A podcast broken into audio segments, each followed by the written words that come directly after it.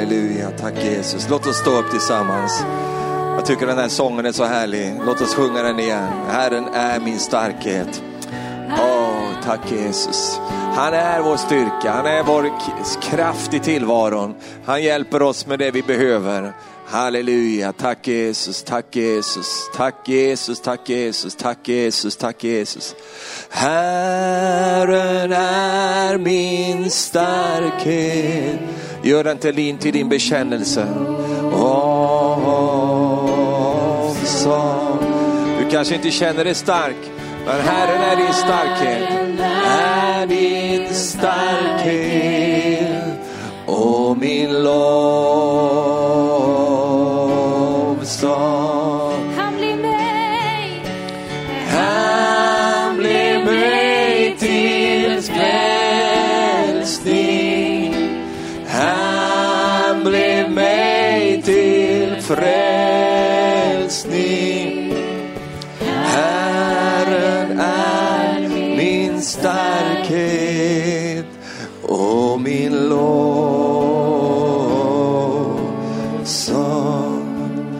Jesus, vi bara tackar dig för att eh, det här är en verklighet.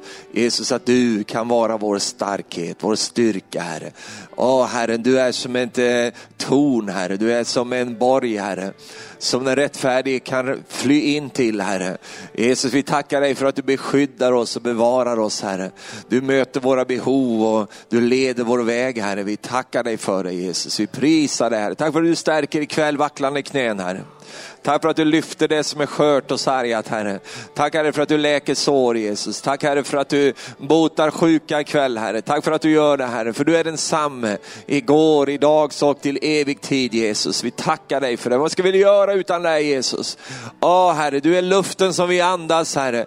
Åh Herre, du är vårt andliga syre Jesus. Och utan dig Herre så skulle vi inte kunna överleva en dag Herre. Hjälp oss att inse det Herre. Hjälp oss att förstå Herre att du bär allting med din makts ord Herre. Även oss Jesus. Vi tackar dig Herre. Vi prisar dig Jesus och lovar dig Herre. I Jesu namn. Amen. Stå en liten stund till här. Vi är snart klara. Så får vi sitta ner sen. Ikväll ska Herren bota kroppsminnen. Och det här är egentligen lite märkligt. Det är inte så märkligt egentligen, men det kan ju vara lite komplicerat för kroppen är ju eh, en del utav, kan man säga, hela dig. Du är ju både ande, själ och kropp och du har ju tre stora faktorer i ditt liv. Kroppen är den jag ser här idag och jag kan se in i din själ också genom dina ögon. Eh, därför ser det varmt ut där. Fint, halleluja, amen. Men, men kroppen har ett minne. Och eh, har du varit med om trauman, har du varit med om olyckor, varit med om andra ting i ditt liv och, så har, du, har, har, din kropp också lagrat det på något sätt i ditt, i ditt minne. Sen kan det gå lång tid och rätt vad det är så faller det där ut och, och, och kroppen gör sig påminn om det där som kanske inte har någon koppling i nutiden. Men kroppsminnet är, är där. Och, och, jag fick det här nu när jag ställde mig här bara, att ikväll ska Herren hela människor som har, eh, eh det finns kroppsminne eh, som gör sig påmint då och då i ditt liv. Herren vill bara radera den hårddisken så att eh, eh kroppens minne eh, är eh, liksom eh, lagat, fixat, halleluja. Och det finns ett ord jag stödjer mig på, det står så här, han bar i sin kropp upp Halleluja. All världens synd, allt elände. Herren har tagit upp det i sin egen kropp. Du har tagit mycket upp, upp mycket i din kropp. Eh, men du vet att Jesus bar upp allting som du kanske har tagit upp i din kropp. Och Jesus vill göra en utväxling här ikväll. Amen, halleluja. Ha det med dig under predikans gång här så ska vi be sen för olika behov och, och du ska komma fram. Halleluja, du som har just detta i ditt liv. Amen. Underbart. Välkommen att sätta dig jämte någon. Halleluja. Okej, okay, vad har vi för, för publik här ikväll? Har vi halleluja-folket eller mummelfolket? Amen, underbart, vad härligt att höra. Underbart, välkommen hit och, och en glädje att få komma hit. Och tack kära ungdomar för härlig lovsång och, och, och betjänar oss i, i, eh, i sång inför Gud. Jag vill ge dig ett litet besvärligt bibelord ikväll. Eh, och det är Jakobs brev vi ska gå till. Jag, är ju, jag har lite förkärlek till de här lite besvärligare bibelorden. Eh, som egentligen inte är besvärliga utan de är alltid härliga. Och eh, därför att Guds ord är härligt. Amen. Men ibland är det inte alltid lätt att, att eh, liksom koppla till eh, bibelordet därför att vi har inte riktigt den utgångspunkten som eh, Herren har. Och därför så kan vi ibland ha lite svårt att förstå vad som betyder och hur vi ska förhålla oss till det som Herren säger. Och därför behöver vi den heliga ande som tolkar skriften åt oss och hjälper oss att förstå vad som står skrivet i den. Och eh, den heliga ande här ikväll. Amen. Halleluja, halleluja. Han syns inte men han är väldigt påtaglig här ikväll. Och vad skulle vi göra utan den helige ande? Ja, vi skulle säkert göra någonting men, men eh, det skulle inte bli, bli så lätt för oss. Framförallt inte när det gäller bibelläsningen. Det står så här i Jakobs brev kapitel 1 och vers 2. Här är kända verser för dig som eh, läser din bibel och eh, vi ska läsa här från vers 2. Där säger Jakob så här, räkna det som den största glädje mina bröder när ni råkar ut för alla slags prövningar. Jag sa ju att jag skulle ta ett besvärligt bibelord ikväll. Eh, och nu är det ju så här att eh, jag kan ju eh, liksom din sort, va? jag är ju likadan själv, eh, vi går i kyrka mycket och så vidare och, och, och ibland så, så säger vi eh, eh, amen och ja till saker och ting, men vi tänker inte alltid på vad han egentligen sa där. Va? Vad säger han till oss? Jo, han säger till oss att vi ska räkna det som den största glädje när vi råkar ut i alla slags prövningar. Eh, jag behöver inte fråga dig, utan jag vet det av erfarenhet eh, i mitt eget liv och säkert är det så också för dig också, att det är väl kanske inte det första du kommer att tänka på när du råkar ut i prövningar, att du ska börja glädja dig och ropa halleluja och ha en fest, där inte. Utan det är väl säkert andra saker som händer med dig när du råkar ut i, i prövningar, eller? Det mänskliga är väl att när det kommer något jobbigt och det kommer något besvärligt, att då har vi ett annat anslag än just det Bibeln uppmanar oss till, att vi ska räkna det som den största glädje själva grundtanken i det där som står där, det är ju att vad Jakob egentligen säger, kan vi läsa ut om vi läser lite fler biblar, så kan vi läsa ut att eh, vad han säger till oss det är att ordna till en fest för dina vänner eh, och eh, gör en riktig glädjefest tillsammans med dem när du råkar ut för prövningar och lidanden. Eh, hur många sådana fester har du anordnat i ditt liv?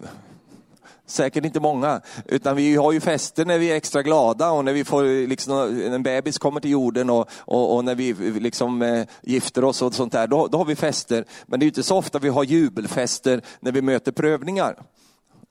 Utan då kanske du inte ringer en enda människa eller så ringer du till alla människor, inte för att tala om hur underbart allting är, utan hur jobbigt allting är och du vill beklaga det kanske. Det är väl kanske det mer naturliga sättet att eh, eh, möta sånt som har med prövningar att göra. Och då är det ju så här, antingen Jakob så har ju du helt missförstått det här, eller också har du någonting att förmedla till oss eh, som läser det här. Och eftersom Jakob har hamnat i Bibeln och inte du och jag, så, så är det nog säkert så att Jakob har något någonting att förmedla från Herrens bord till oss i en sån här text. Kan du säga amen till det? Och, och det, det är sånt här jag tycker om. Jag tycker om lite sån här provocerande texter, därför att jag förstår att det ligger något bakom här som Herren vill visa oss. Det är ju inte så att Herren säger till oss att nu går du igenom prövningar, nu, nu kan du vara glad och sådär. Han är ju inte sarkastisk, utan han är ju kärleksfull och han vill ju hjälpa oss. Och eh, eftersom vi då förstår att Bibeln är hälsosam och nyttig för oss och alla orden där eh, är till vår, vår, hjälp och vår gagn, så är det någonting som eh, Gud vill visa oss här. Och Jakob är inte den enda som talar om det på det här sättet, utan det gör även Petrus. Och vi ska titta på, eh, eh, vi ska titta på ett av de ord som, som handlar om det också i första Petrus brev, kapitel 1 och vers 6. Här är alltså Petrus som talar eftersom det är hans brev. Så, det var inte djupt, men det var ändå ganska naturligt. I vers 6 så står det så här, därför kan ni jubla, även om ni just nu en kort tid får utstå prövningar av alla olika slag, eller av olika slag. Han är inne på samma linje här, Petrus. Både Jakob och Petrus talar till oss på det där sättet och säger, ni kan jubla även om ni nu en kort tid skulle få utstå prövningar av olika slag. Eh, Jakob säger, räkna det som den största glädjen när ni kommer i alla slags prövningar. Eh, och då vill jag visa dig ikväll utifrån vad Guds ordet säger, varför kan vi glädja oss i prövningarna? Vad är, det för, vad är det för anledning att vara glad i prövningarna? Ja, det, det är ju ett intressant ämne, visst är det det. Vill du ha något annat ämne så får du gå någon annanstans, för det här är det enda ämne som erbjuds ikväll. Vi har bara den här på menyn ikväll. Vi har inga andra. Men vi ska se vad, vad, vad, vad vi kan hämta härifrån det här ikväll. Vad, vad säger han här? Vi läser vidare.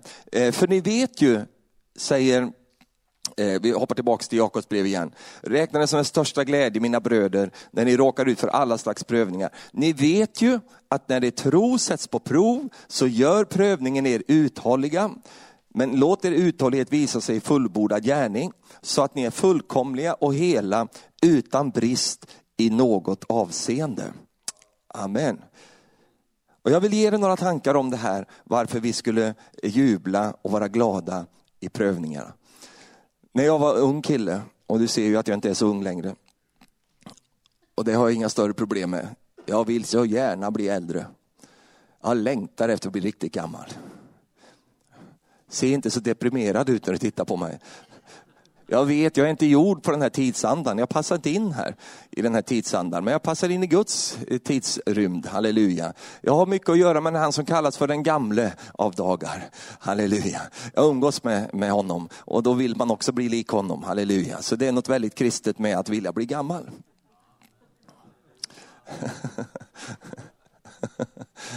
Halleluja. Jag har, varit, jag har velat det sedan jag var liten. Vet du. För alla som jag har haft min släkt blev aldrig gamla, de, de har dött. Eh, pappa dog när han var 50 år och, och, eh, och sen, i min släkt, de, de, de liksom, ingen, ingen riktigt gammal. Jag har en som varit riktigt gammal, han heter Herman. Det var min pappas bror. Eh, han blev gammal, så pass gammal så att eh, han hade rätt att få gå hem, tyckte man. Eh, och, och, och, då har jag alltid haft en passion, jag vill bli gammal, halleluja, amen. Prisat vare Gud. Så när jag kommer att predika för det här om 30-40 år va, så, så kommer jag säga, har ni hört den här? Och så kommer du svara, ja, många gånger idag.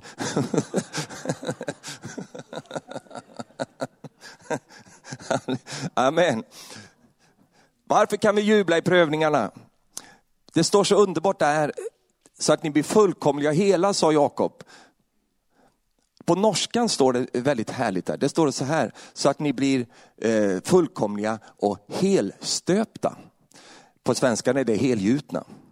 Att vara helgjuten, det, var, det, är att vara gjuten helt igenom. Helstöpt. Va? När man använder, eh, när man ska stöpa någonting eller gjuta någonting, eh, ett fundament och så vidare, så är det viktigt att det blir gjutet helt rakt igenom. Så att det inte är några luftfickor eller det är inte några liksom, eh, sådana saker som gör att själva gjutningen inte blir solid. Därför att det ska byggas någonting på den där eh, gjut, eh, den där, där man stöper, så att det, det kan hålla och, och bära upp eh, det som ska komma på det där sen. Och när ditt liv ska utsättas för press och tyngd så behöver du vara helgjuten.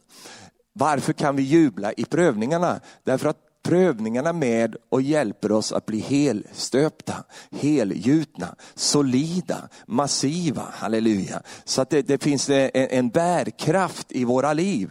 Förr i tiden, de gamla pingstvännerna eh, som antecknade och skrev i sina biblar och skrev i sidan på bibelorden, så skrev de eh, på vissa ställen skrev de så här, eh, eh PE på, på sidan, PE. Och det visste alla gamla pingstvänner, det betyder prövat, och erfaret. Halleluja. Har du många sådana PE jämte dina bibelverser? Det är inte alltid vi har det. Och det är ju inget fel och det är ju inget så vidare. För i början så har man ju inte PE. Man har inte prövat eller erfarit detta. Utan man har bara en, en eh, så som ungdomar har, barn har. Man har någonting som man har läst om men man har inte vandrat det igenom med än. Det är inte prövat, det är inte erfaret. Och den starkaste tron, det är den beprövade tron. Det är en tro som är prövad, erfaren och, och den har en, en, soliditet i sig, den har en kraft, en bärkraft i sig. Prövningen min älskade vän är med och hjälper dig att komma till den platsen. Nu vet jag och nu vet du att prövningen i sitt så att säga, inslag eh, har ju inte alltid det momentet i sig att det verkar vara till ditt gagn, utan istället eh, någonting helt annat. Du tänker så här, det tänkte jag ofta när jag var yngre, varför kommer det här nu? Jag var ju precis på gång att göra något härligt och så kommer det här i mitt liv, fy vad jobbigt. Har du någonsin tänkt det i ditt liv? Varför ska det här hända nu för? Och jag tyckte mest att prövningen var liksom i vägen för min framfart. Jag tänkte att den här är ju bara så jobbig, varför ska den vara här? Nu kan inte jag springa på här bara för att jag fick möta det här i mitt liv. Det där tänkesättet har jag ändrat genom livet och jag tänker inte på det sättet längre nu. Utan jag tänker så här, vad kan jag använda i det här som händer nu för att bli mer helgjuten som en kristen? På vilket sätt ska den här prövningen tjäna mig och tjäna min, min andliga tillväxt? Det blir intressant att få se det, vad som ska komma ut av det här när jag har vandrat igenom det här i mitt liv. Vad sa Petrus? Därför kan ni jubla, säger han. Kan, jag få, kan vi testa lite jubelnivån här, bara för att se om vi har någon jubel? Därför kan ni göra just det du gjorde även om ni just nu en kort tid skulle få utstå prövningar av olika slag. Varför då? Vers 7. För att det som är äkta i er tro. Och detta är långt dyrbarare än det förgängliga guldet, som dock måste prövas i eld, ska ge pris, härlighet och ära när Jesus Kristus uppenbaras. Alltså, varför kan vi jubla för när vi går igenom olika prövningar? Jo, för att det som är äkta i vår tro kommer fram då. Äktheten, det riktiga, det verkliga, det kommer fram i prövningen. Han jämför det med guldet som också måste prövas i elden. Det enda sättet att förädla och liksom eh, ta fram de äden, eh, liksom kvaliteten i guldet, det är att utsätta guldet för hetta. Det är det enda sättet. Det finns inget annat sätt. Man måste tillsätta eh, värme stark värme så att slagget flyter upp och kan separeras ifrån guldet. Eh, och så är det med dig också min vän. Det enda sättet för att få fram det ädla, det äkta i din och min tro, det är genom att gå igenom prövningarna. Jag förväntar mig inte så mycket halleluja, amen just nu, men, men, men det är helt okej. Okay. Vi går vidare. Så varför kan du och jag jubla när vi möter prövningar? Jo, nummer ett, det som är äkta i vår tro kommer fram då.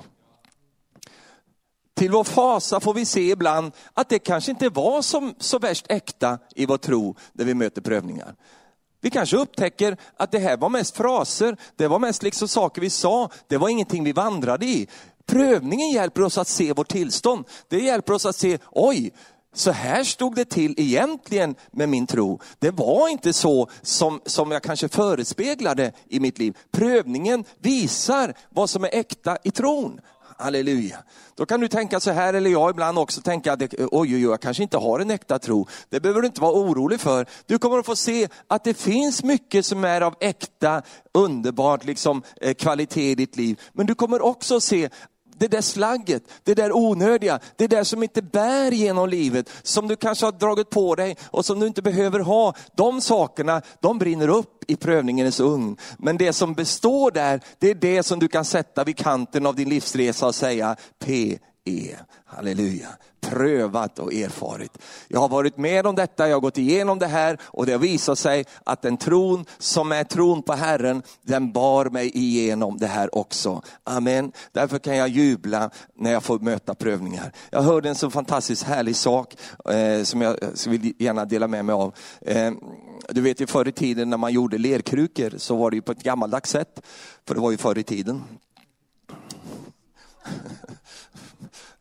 Ursäkta mig. Och då när man gjorde de där lekkrukorna så satte man upp en klump på, på drejskivan och så drejade man och så drog man upp så här. Va? Du har sett bilder på det och du kanske kan det själv också. Och, och då var det en man nere i Israel som, som höll på med det där och, och gjorde, gjorde lerkrukor. Och så kom det en, en, turist, kanske det var, eller i alla fall en person som ställde sig och tittade på den här mannen som gjorde de här lerkrukorna. Och han höll på där vid drejskivan och, och, och gjorde sina krukor. Och sen tog han ju då den färdiga krukan från drejskivan, stoppade in det i brännugnen för att eh, Eh, krukan skulle härdas. Och sen så eh, tog han ut den ur ugnen och så tog han in den i ugnen igen. Och så höll han på fram och tillbaka. Nu för tiden kanske man har mätare och sånt där. Men han liksom hade inga sådana mätare utan han tog ut den och så stoppade in den. Och, Och, och sen rätt vad det var så, så satte han upp den på hyllan till försäljning. Och då så kom den här mannen där som stod och tittade på det där och tyckte att det här var väldigt intressant. Så han, han gick fram till mannen och frågade, du, du går fram och tillbaka med den där krukan, stoppar in den i ugnen och så tar du ut den ur ugnen och så stoppar du in den i ugnen. Jag har en fråga till dig. När vet du att krukan är färdig? Så. Och så tittade den här mannen på honom och sa så här, jo det är mycket enkelt. Så. Jag stoppar in den i ugnen och så tar jag ut den och så knäpper jag på kanten med fingren. Och när krukan sjunger för mig, då är den färdig. Min vän, när du går igenom prövningar, då är det som att vara inne i en, en brinnande ugn. Och då funderar du över, när är jag liksom igenom? När, när, när jag kommer ut ur det här? Jo, när det sjunger en ny sång i ditt hjärta. Då är det där onödiga, det där vätskan och allt det där som kan finnas där, det är det liksom bortbrunnet. Och sen är du färdig till hedersamt bruk. Halleluja, amen. Prisat vare Gud. Men de här, när Herren tar ut dig ur ugnen och det låter så här, bläpp. Eller fy vad jobbigt, varför ska jag vara med om det här för? Nej, nej, nej, nej, nej, nej, nej, nej. Då säger Herren, dags för ugnen igen.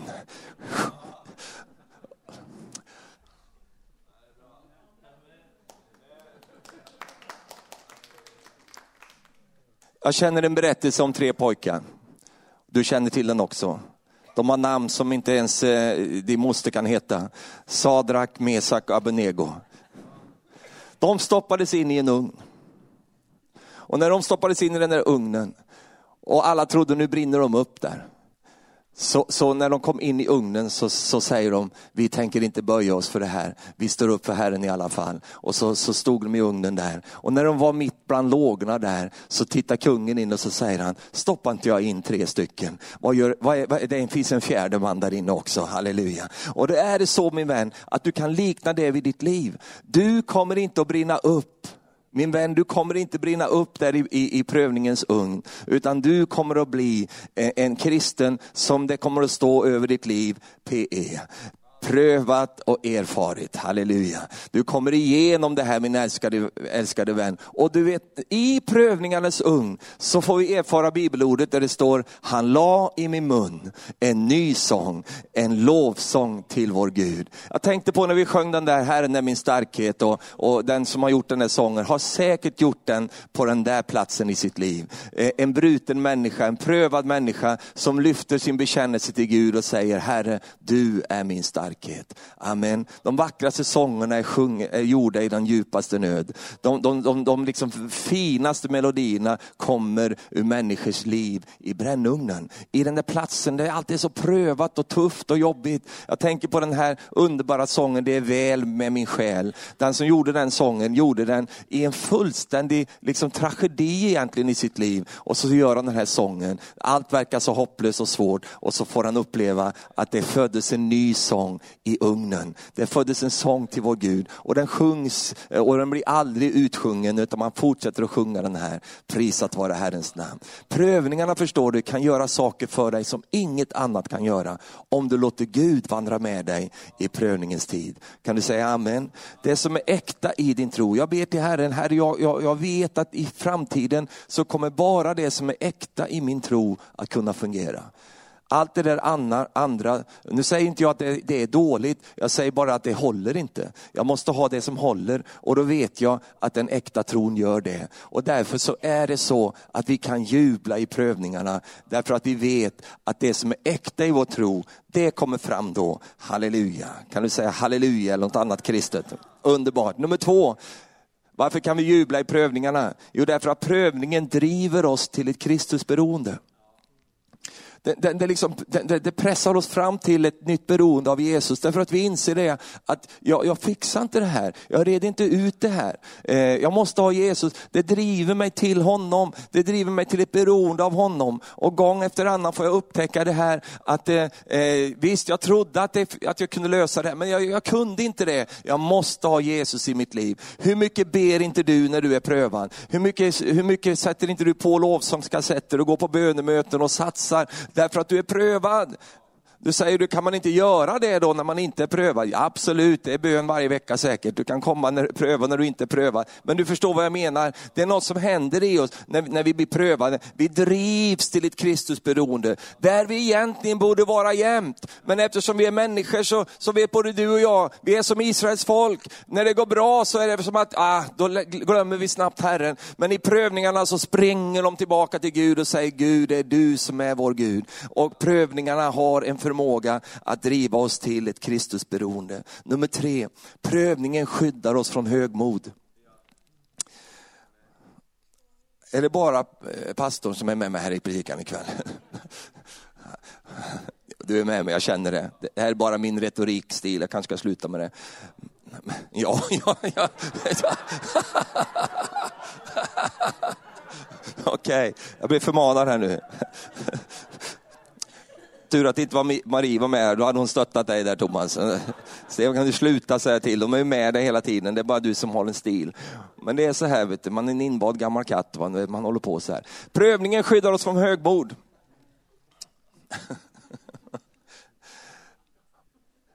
Du vet, Paulus säger så här om det här i andra Korinthierbrevet 12, låt mig bara få läsa det för dig, bara citera det i vers 7. Och för att inte jag ska bli högmodig på grund av alla dessa utomordentligt höga uppenbarelser så har jag fått en törntagg i köttet, en satans ängel som slår mig i ansiktet för att jag inte ska förhäva mig. Alltså, det här är väldigt intressanta bibelverser som vi skulle ägna mycket mer tid åt, men jag vill inte göra det. Men bara an, använda det som en, en bild på hur Paulus ser på det. Han säger, jag har fått en, en, en satans ängel, en törntagg, som slår mig i ansiktet. Och då säger du där, ja men det har jag också fått. Nej, nej, nej, vi pratar inte om din fru nu, utan vi pratar om något helt annat här. Så du kan inte lägga det någon annanstans än vad det egentligen ska vara. Det var inte det att det, det, det, var, det var de där sakerna som, som vi kanske tycker eller tänker, utan Paulus han hade fått utomordentligt höga uppenbarelser. Och vi vet att kunskap, det, det, det, det har en förmåga att, ehm, det har en förmåga att ehm, eh, uppblåsa. upplåsa. Så att eh, i kunskapen upplåser, men kärleken uppbygger. Och, och, det ligger liksom i människans natur på något sätt, fallna natur, att vi har, och bara att erkänna det är ett framsteg, att vi har en tendens att gå åt det stolta, högmodiga hållet. Då säger du, det har inte jag. Just bara där så är du avslöjad. Vi har alla det. Eh, och, och, och, därför så kan prövningen vara en så underbar, härlig välsignelse. Därför att den, den skyddar oss från någonting som är mycket värre än själva prövningen. Nämligen högmod. Stolthet är någonting som Gud står emot. Han hatar stolthet, han vill inte ha det. Han vill inte ha någonting som är stolt inför sig själv. Eh, och, och, högmod och stolthet, att man förhäver sig själv. Eh, Paulus säger, för att det inte ska ske med mig så har jag fått det här. Och jag bad faktiskt till Gud att han skulle ta bort det här ifrån mig. Tre gånger bad jag, men Gud bara svarar och säger, Paulus min nåd är dig nog och kraften fullkomnas i svaghet. Och någonstans där så landade poletten i Paulus liv där han insåg, det här har jag inte fått för att att det här är för att det, ska vara till min, mitt eh, fördärv, utan det här har jag fått därför att jag behöver detta, för annars kommer jag glida bort ifrån Gud och få för mig att det är något så väldigt speciellt med mig själv. Och, och då kommer jag börja förhäva mig efter ett tag och då vandra ut i nåden. Och när jag vandrar ut i nåden så har jag inget beskydd alls. Och därför så är jag glad, säger han. Jag berömmer mig, säger han, över min svaghet. Därför att den har faktiskt blivit min styrka. Oh, halleluja. Och, och varför då? Därför att den skyddar skyddar mig från det som kan dra ner mig och fördärva mig kejsarna i det gamla romarriket, eh, de hade ju enorma såna här triumftåg och, och de, de la i stort sett hela världen under sig. Och då hade de, bara för att eh, skydda sig själva, speciella slavar som sprang jämte vagnen när, när kejsaren eh, liksom red in i Rom med sitt triumftåg när han har erövrat någonting. Så sprang det en slav jämte och, och, och ropade upp till vagnen till, till kejsaren och, och ropade det här.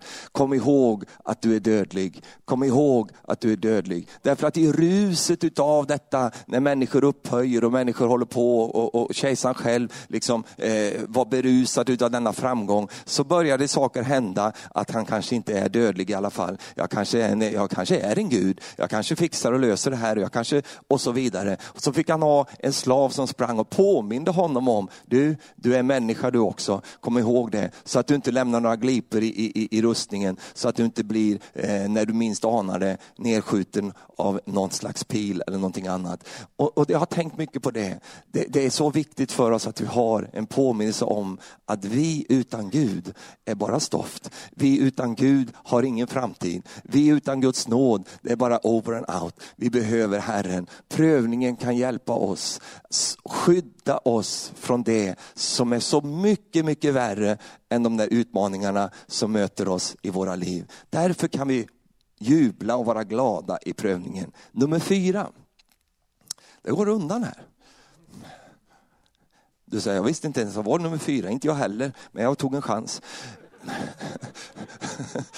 Prövningen hjälper oss att hålla koll på våra hjärtan. I Markus kapitel 6 och vers 48 så står det så här.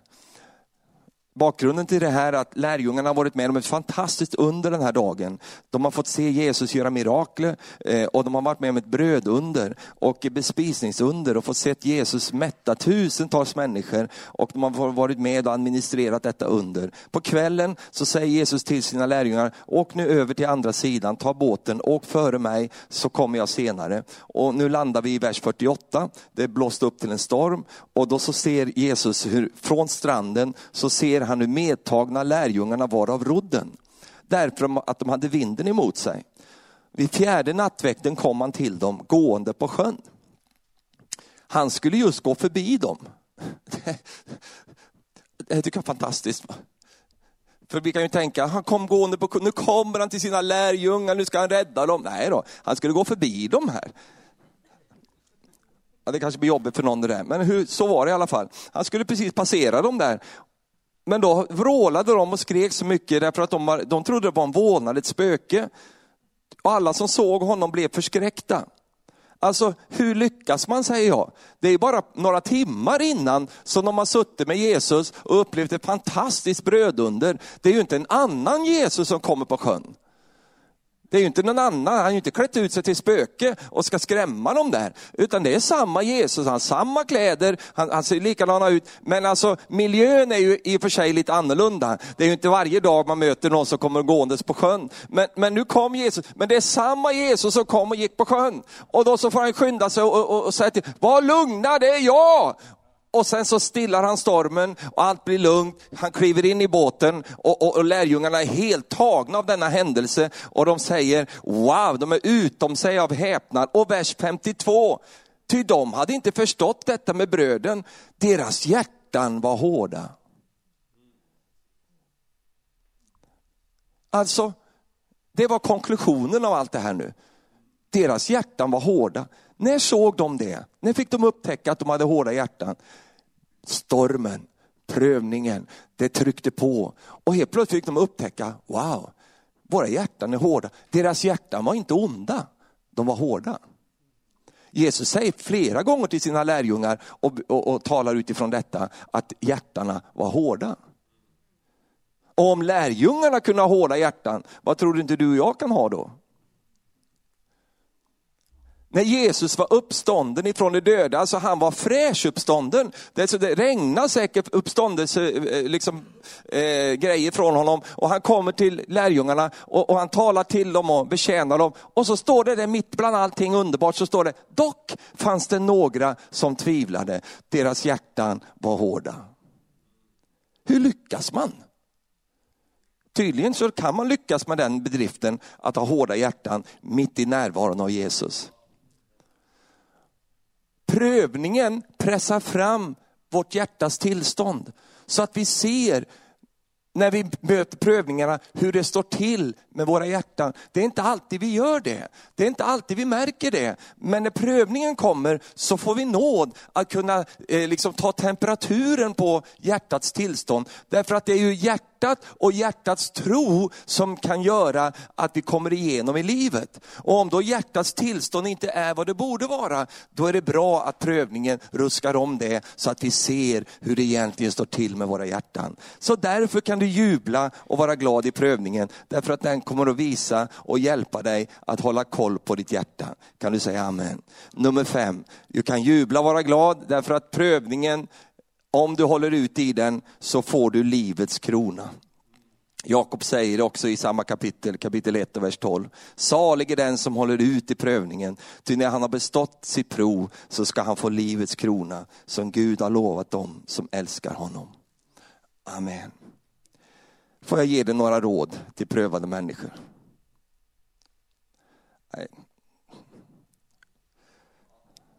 Tack ska du ha. Jag ska bara hitta dem också. Där är de. Jag vet inte hur det är med dig, du kanske går igenom en prövning just nu. Du kanske är på väg in i en prövning. Du kanske är på väg ut ur en prövning. Någonstans där befinner du dig. Och om du nu är kanske i en prövning just nu så kan jag få ge dig några råd. De är hämtade ifrån Gudsordet. Och eh, det första rådet som jag vill gärna ge dig i en prövning, bevara ditt hjärta från den här hårdheten. Om, det, om prövningen då belyser, oj, mitt hjärta var inte mjukt, det var inte töjbart, det var inte mjukt inför Gud. Se då till att du får en helig andes hjärtmassage i ditt liv och får upptäcka, åh Herre, mitt hjärtas liksom puls är rätt och riktig. Jag har ett hjärta som korresponderar med ditt hjärta Gud. Hjälp mig och beskydda mig från hårdhet. Jag vill inte det. Jag vill inte vara hård, jag vill inte vara cynisk, jag vill inte vara, vara sarkastisk. Jag vill inte ha, nej Herre, jag vill ha ett mjukt hjärta. Därför att ett mjukt hjärta kan Gud alltid hjälpa. Bevara ditt hjärta från hårdhet. Nummer två, fortsätt att vara frimodig. Gud har inte lämnat dig, han är med dig. Du måste förstå rätt här. Prövningen kommer inte för att sänka dig. Prövningen kommer för att befordra dig. Nu fick jag till och med någon signal på det. Du måste ha rätt tänk här. Varenda gång jag har fått uppleva från Gud någon form av kallelse, någonting jag ska göra. Varenda gång, jag säger varenda gång, så har jag samtidigt fått möta en prövning i mitt liv. Och först i början så funderade jag på varför det skulle hända, jag förstod inte kopplingen. Men prövningen kommer för att rusta mig hjälpa mig att kunna leva i den nåd och i den kallelse, i den ström som jag nu går in i. I den säsong som jag ska gå in i. Prövningen får mig upp på rätt höjd i mitt liv. Och det är därför som du måste förstå rätt. Det är inte så att Gud har lämnat dig bara för att du är prövad, utan Gud är väldigt närvarande och, och han, han är med dig. Därför kan du vara frimodig mitt i prövningen. Halleluja. Och om du inte har några prövningar överhuvudtaget i ditt liv, då är det dags att bli lite nervös. För vad är det med dig människa om du inte har några prövningar? Ja, det, det, ja. Jag förstår, hur, för vi världsmänniskor, vi tänker ibland, för vi är så besmittade av denna världen. Vi tänker så här att vi ska ha det här glidarlivet, det ska vara så enkelt, allting det ska vara så flödigt, allting, det får aldrig göra ont, det får inte vara någon smärta, det får inte vara någonting. Vilken idrottsman tänker så? Snacka med Gunde Svan och fråga honom, gjorde det ont när du tränade? Det är klart det gjorde det. Fråga vem som helst. Så, och, och, fråga vilken kristen som helst som vill växa i tron, så, så, är det så att man måste acceptera prövningarna om man ska kunna växa. Och de här prövningarna som kommer, och så tänker någon så här, är det Gud som sänder prövningar eller inte? Min vän, Gud behöver inte det, de sänder sig själva. Prövningarna kommer och det är inte en hälsning från Herren, utan de kommer därför att du är människa och de kommer till dig, de kommer till mig också. Och du ska inte tänka så att det är något extra unikt med dig därför att den prövningen kommer till dig, utan Bibeln säger inga andra prövningar har mött dig, än vad som vanligen möter människor. Och Gud är trofast, han ska inte tillåta att du blir frestad över din förmåga. När han tillåter frestelse komma skall han också bereda en utväg därur så att ni kan hålla ut i den. Halleluja, amen. Han är trofast och Gud låter inte dig drabbas alltså någonting som du inte kan bära. Vilken Gud är det? Gud kommer inte tillåta att du blir prövad över din förmåga. Men när prövningen kommer, då kommer han också hjälpa dig genom att fixa utvägar åt dig. Halleluja. Oh, prisat vare Gud. Amen. Jag har den här tanken, rätt eller fel, men den funkar för mig. Den här tanken att allt det där som, som mitt liv innehåller, det kommer innehålla en mängd olika eh, utmaningar och prövningar i mitt liv. Men eftersom jag har gett mitt liv till Gud, då har jag gett honom också tillåtelse att regissera organisera mitt liv på ett sådant sätt så att eftersom en prövning ändå kommer att komma någon gång i mitt liv, eh, oavsett om jag är kristen eller inte, följer Gud eller inte, så kommer jag möta sådana där grejer. Men eftersom jag har låtit Gud ta hand om det där, så, så kommer han att liksom vara den som ordnar med, okej, okay, nu, nu av livets alla prövningar som Stefan ska få gå igenom, så, så är det Gud som håller på och, och, och, och ordnar med det. Så, så här, nu kan han få, jag tillåter att den kommer där nu i hans liv, för det passar hans andliga växt att det kommer nu och han, han reder ut det, han klarar det, han är på en sån plats i sitt liv att han kan möta detta för han har ju mig. Och, och därför så, så tillåt, till, tillåter jag Herren att få vara med och regissera de här sakerna i mitt liv. Annars så skulle det där bara komma blumpla ner hur som helst och det skulle inte vara någon kontroll på det överhuvudtaget. Men eftersom Gud är den som jag förtröstar på så låter jag han ta hand om hela den där biten. Han tillåter, står det. Han, vad är det han tillåter? Det som redan ändå skulle hända, vare sig han tillåter det eller inte, så skulle det hända. Det hände i människors liv eh, därför att vi lever det här livet. Men Gud är ju sådan, eftersom han vet att du och jag ska komma dit vi ska komma, eh, så använder han det som kan se ut vara väldigt negativt för oss till sin egen fördel, eftersom han vet att prövningen samtidigt gör någonting bra med mig.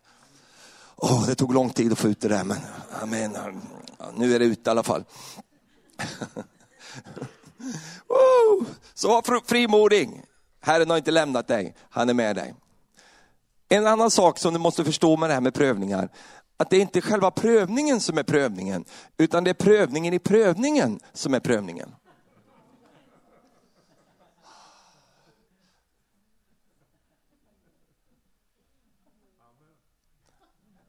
Tänk vad en enkel bompojk kan komma fram till.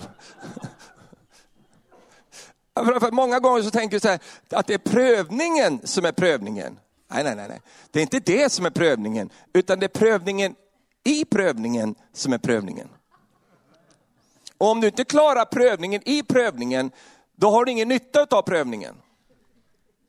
Men eftersom du förstår att läsa av vad som är själva prövningen i prövningen, så blir det mycket lättare för dig att prisa Gud, eftersom det inte är själva prövningen som är prövningen, utan det är det som prövas i prövningen som är prövningen. Och när du fattar det och ser det, att i prövningen finns också Gud med sin prövning, och när du förstår att det är Guds prövning som du ska mäta upp ditt liv till, och kan vandra igenom den prövningen och få Guds approval på ditt liv, på, på ditt liv alltså, så, så kommer du upptäcka det. Tack gode Gud Gud, jag såg först nu vad det var som var prövningen i själva prövningen. En del människor tänker bara på att det är prövningen som är prövningen. Men det, det som skiljer den kristne och den icke-kristne, det är just detta att vi har också förmågan genom Guds ande att upptäcka i det här så är också Gud med och prövar mig i prövningen. Vad är det som är prövningen i prövningen? Jo, det är det som är prövningen. Vad är, det, vad är det som prövas i dig i prövningen? Är det själva liksom, den där grejen som händer i ditt liv, är det det som är prövningen? Nej.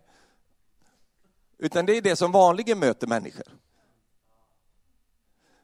Vad är det då som är skillnaden här? Jo, mitt i allt det där pågår också en prövning. Och vad heter den prövningen då? Jo, vill du fortsätta följa Jesus trots det här? Vill du fortsätta gå Guds väg trots att det inte är kul längre? Vill du ära honom och prisa honom trots att lågorna brinner så att armhåren eh, brinner upp?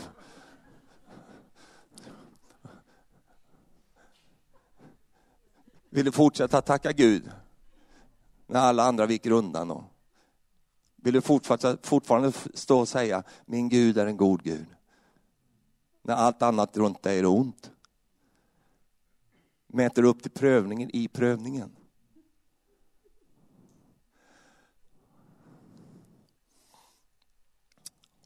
Vill du fortsätta gå Guds väg även om det inte blev som du tänkte? Du ville ha en fin pojke att gifta dig med, du fick en ful. Vill du fortsätta ändå? Ursäkta mig.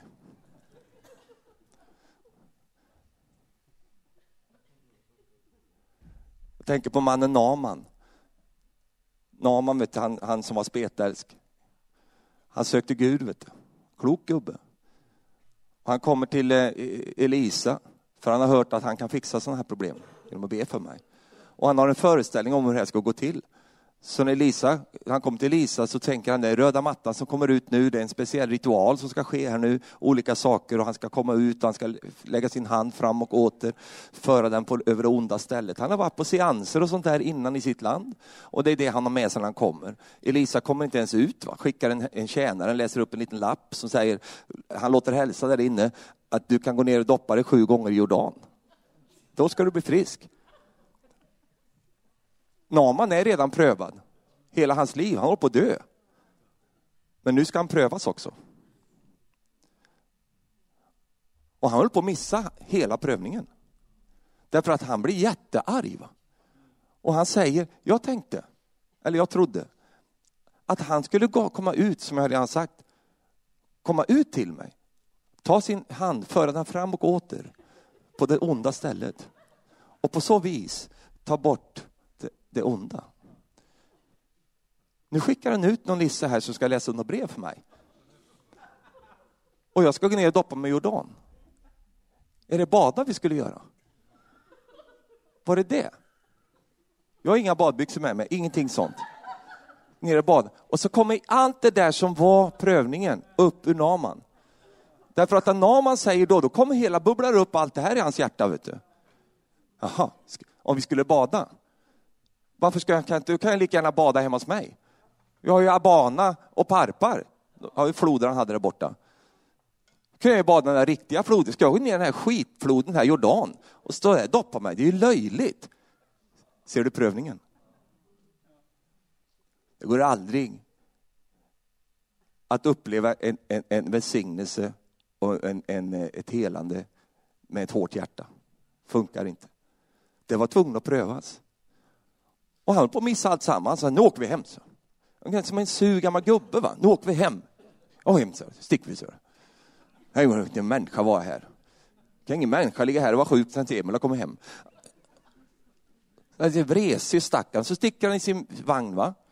Och vad händer då? Ja, då kommer en annan tjänare från Herren springandes jämte vagnen och tittar in medan han åker. Och så sen, ers höghet, majestät, finhet, skönhet. Om han hade bett dig om någonting svårt, hade du inte gjort det då? Jo då. Det finns inget som är för svårt för mig. Jag har gjort vad som helst. Säg det bara. Ja, men nu var det något lätt han bad dig om. Är det lätta för svårt att göra för dig? Och där någonstans kommer lyset på och Naman är hemma. Så upp, fy vad dum jag är. Kan jag inte ens gå ner och bada där? Jag kan ju låda en badbyxor av någon där. Det är inga problem, det kan vi lösa. Och så, så mjuknar han här på insidan. Och där klarar han prövningen. Hade du legat och badat där vid Jordanstranden den dagen, så kommer en gubbe där. Då har du funderat över, den killen där, ska han bada eller inte? Han går ner, han går upp, han går ner, han går upp, går ner, han går upp. Ska han, hur ska han ha det egentligen? Men han var inte där för att bada. Han var där för att, han var där för att, att gå igenom Guds prövning. Halleluja. Min älskade vän, Guds prövning är lätt. Men eftersom vi är så stolta så gör vi det så svårt för oss. Gud säger, du behöver inte fixa det här. Du behöver bara bada där nere i Jordan. Det kan väl vem som helst göra. Du behöver inte ens ligga i vattnet. Doppa, gå upp, doppa, gå upp, doppa, gå upp. Du behöver inte ens kunna simma för att fixa de här grejerna. Vad är prövningen? Hjärtat. Du måste klara av det här inför Gud. Det är det som är själva prövningen. Oh, halleluja, det är det som är grejen. Amen, prisat vare Gud. Så vi måste klara prövningen i prövningen och det är underbart när vi gör det. Och när vi kommer på det, det gör vi inte på en gång. Vi fattar inte riktigt att i det här så är också Gud och han är där för att pröva oss i den här prövningen. Amen. Ju förr vi upptäcker det, ju snabbare kommer vi igenom. Nummer tre.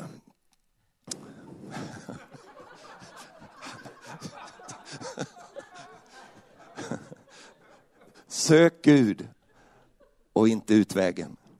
Vad läste vi här i första Korinthierbrevet 10, vers 13? Ingen annan frestelse har drabbat än vad som vanligen möter människor. Gud är trofast, han ska inte tillåta att du frestas över förmåga, utan när frestelsen kommer skall han också bereda en utväg så ni kan härda ut.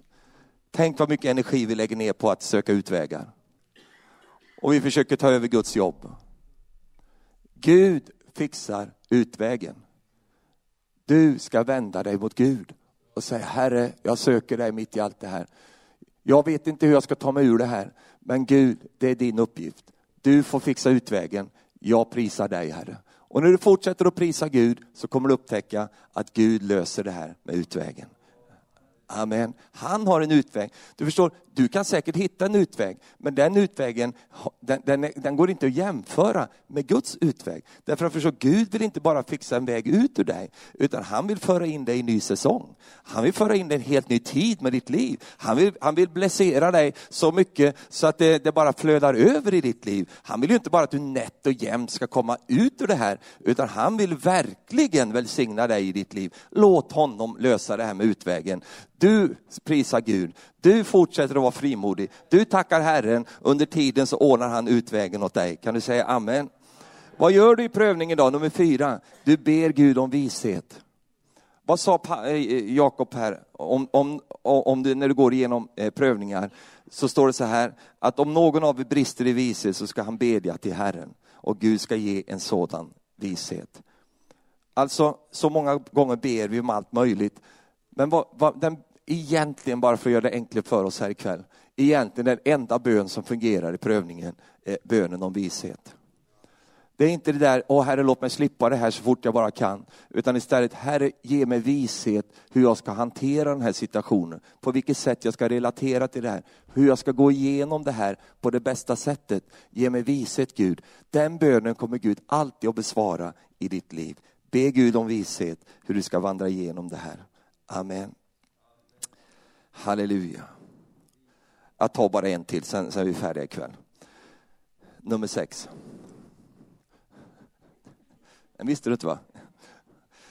Genom att du själv har blivit prövad så har du lättare att visa medkänsla för andra människor. Kanske det här är en, en av de absolut bästa sakerna med prövningarna. Därför att en prövad människa, det är en människa som inte vet svaret bara, utan också som förstår det här med frågan hela frågeställningen. Alltså varför älskar du Jesus så mycket? Av många skäl. Ett utav dem det är att han har medkänsla för dig. Varför har han så medkänsla för dig? Därför att han har lidit. Han har gått igenom så mycket och därför visar han denna medkänsla. Han, han, vet hur det känns, han vet hur det upplevs. Och därför kommer inte han sådär von Nobel liksom, eh, på ett kliniskt sätt till dig, utan han kommer till dig hjärta till hjärta. Därför han vet hur det är att gå igenom det som du går igenom. Och det är just den där känslan, den här underbara känslan av delaktighet som vi får uppleva hos Jesus. Även att du vet att han kan fixa allt, han kan lösa allting. Han är ju fantastisk, våran Jesus. Så är han ju också ett enda stort hjärta. Han, han liksom älskar oss och han tar oss in till sig själv. Och han, han liksom föraktar inte oss när vi går igenom svåra saker. För han har själv gått igenom svåra saker. Jesus är en ärrad Jesus och det är du också. Eh, och när du möter prövningar och tar dig igenom dem och sen så möter du andra som går igenom prövningar, så kommer, ni inte, du, kommer inte du att säga, ja men det där är väl liksom inte några problem och så vidare. Utan du säger på en gång, det där vet jag mycket om, jag har varit igenom det där också. Och, och prövningen liksom vaskar fram det här i ditt liv. Och, och det ska du vara väldigt tacksam över. Hur kan du tänka dig att Gud skulle kunna använda dig bara genom att komma och säga hur allt ska vara till människor. Sådan är inte Gud. Då skulle Jesus ha kommit till den här jorden och bara leverera svar till oss. Men det gjorde han inte. Utan Jesus kom till den här jorden fick vandra det här livet som människa och fick gå igenom allting som människor får gå igenom för att Gud skulle kunna använda honom på det sättet han gjorde. Om nu Jesus fick göra det, vad tror du inte då du och jag ska få, få vara med om? Men inte bara det, utan också det att du har någonting att förmedla i det att du vet att Jesus hjälpte dig. Han hjälpte dig i den här situationen och där kan du få förmedla hopp till människor som känner en hopplöshet just nu. Amen. Jag tackar Gud för mina prövningar. Jag tycker att jag har blivit en bättre Stefan på grund av dina, inte på grund av dina prövningar. Jag har mer tålamod, jag har mer medömkan faktiskt och jag vill ha mer av det också. Eh, och, och, jag kan sätta mig in i saker som jag absolut inte hade någon förståelse för innan jag själv hade mött de prövningarna. Jag vet hur det är på många nya områden som jag inte visste någonting om i, i, tidigare i mitt liv. Prövningen visade mig de sakerna och jag tackar Gud för det i mitt liv. Halleluja. Och, och så blir det med dig också när du går igenom prövningar. Du kommer upptäcka att prövningen ger dig en ny dimension av medkänsla för din omgivning. Du vet att det är inte så lätt att vara människa. Det har du redan upptäckt.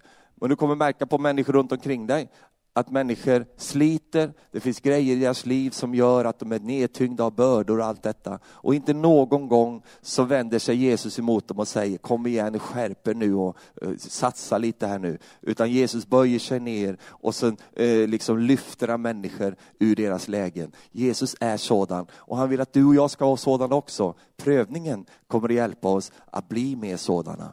Amen. Halleluja. Tack Jesus. Och eftersom du har blivit prövad så kommer också Herren att sända dig till de som är prövade på samma sätt som du har blivit prövad. Det kommer att bli en slags eh, koppling där och du får uppleva att du kan vara till välsignelse för människor runt omkring dig. Halleluja. Därför kan du jubla mitt i prövningen.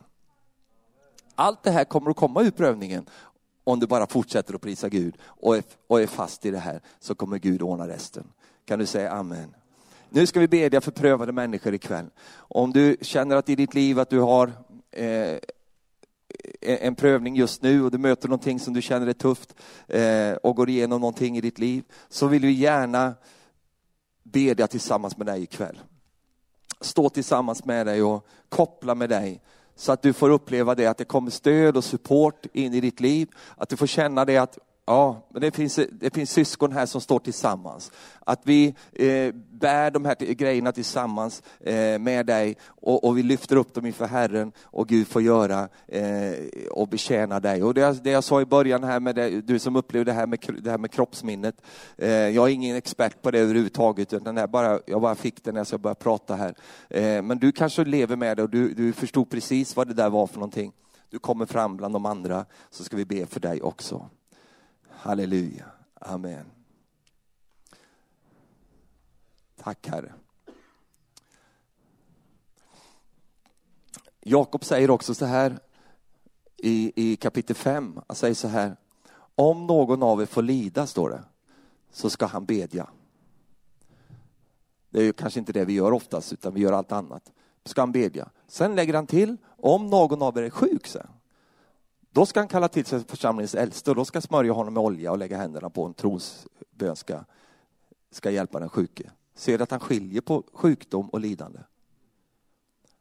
Nu kan det ändå vara ett väldigt stort lidande i sjukdomen. Och det lidande som du och jag ibland får bära i det, det är ibland kan vi få vänta på helandet. Vi får liksom vandra med det, vi får, får och så vidare. Det kanske inte kommer på en gång och då kan det upplevas som ett, en, en, en prövning i det här. Men, men sjukdom, har vi alltid rätt att förvänta oss att Herren tar ifrån oss och hjälper oss med. Amen. Eftersom det stod så. Om någon är sjuk, då ska han kalla till sig de äldste.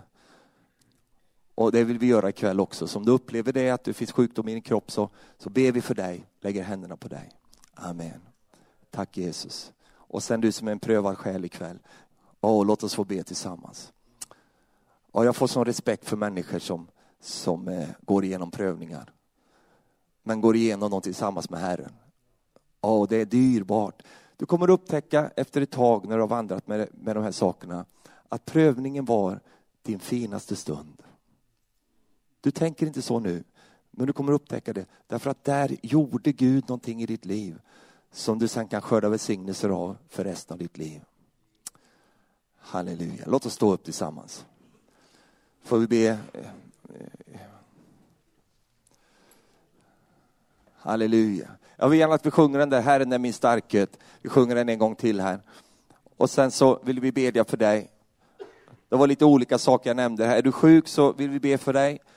Du, det, här med, det här med kroppsminnet som, som jag nämnde här i början, det vill vi be för. Får du säga till oss också om det är det som det gäller. Eh, och du som bara känner så här att jag är mitt i någonting som jag, jag behöver bara få bönestöd, jag behöver, behöver få förbön runt dig ikväll. Så vill vi be för dig också. Så välkommen här på en gång, du som behöver det, så ska vi bedja för dig. Halleluja. Du behöver inte vänta på sångarna utan du bara kommer på en gång.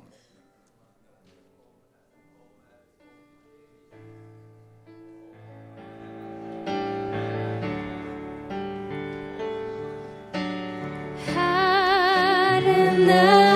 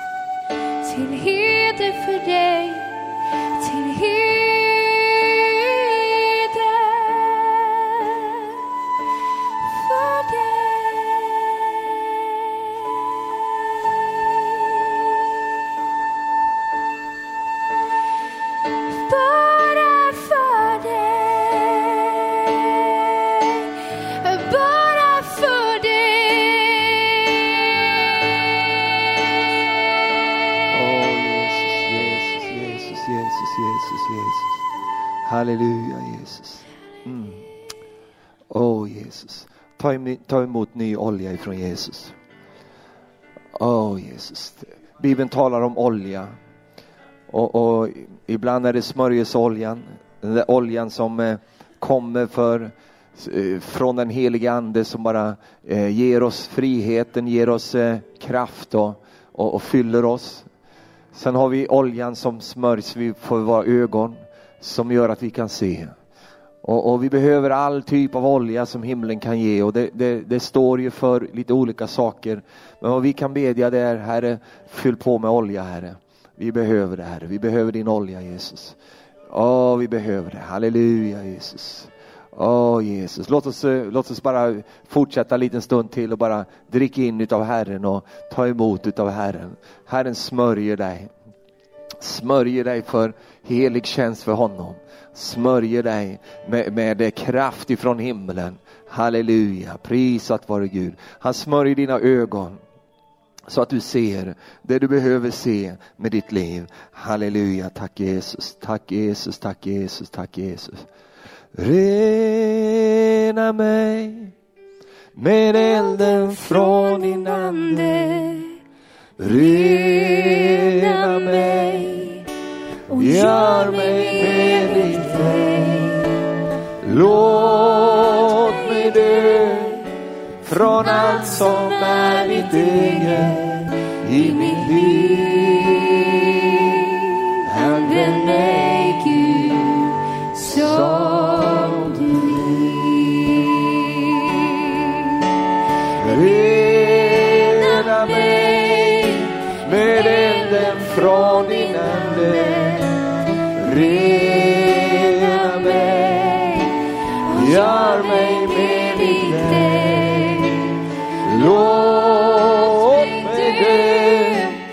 från allt som är mitt eget i mitt liv.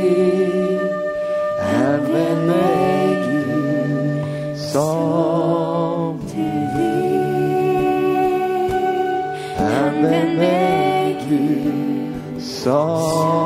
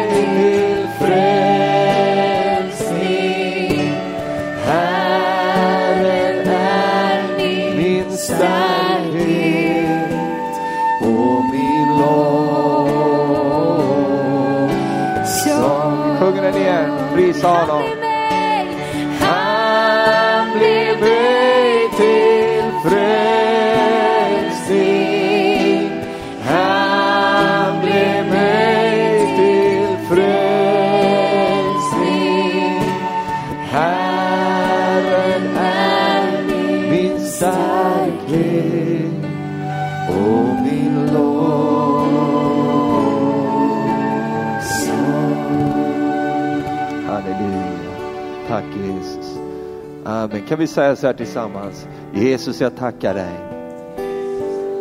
För att du är mitt, Du är med mig Herre. Mitt i prövningen.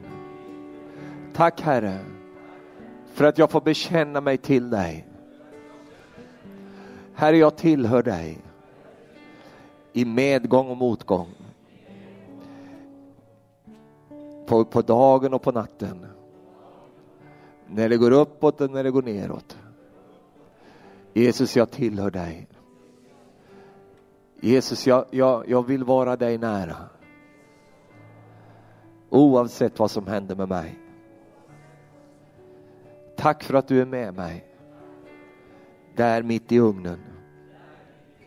Tack för att du kom. Du är den fjärde mannen. Och jag tackar dig för att du är där. I mitt liv.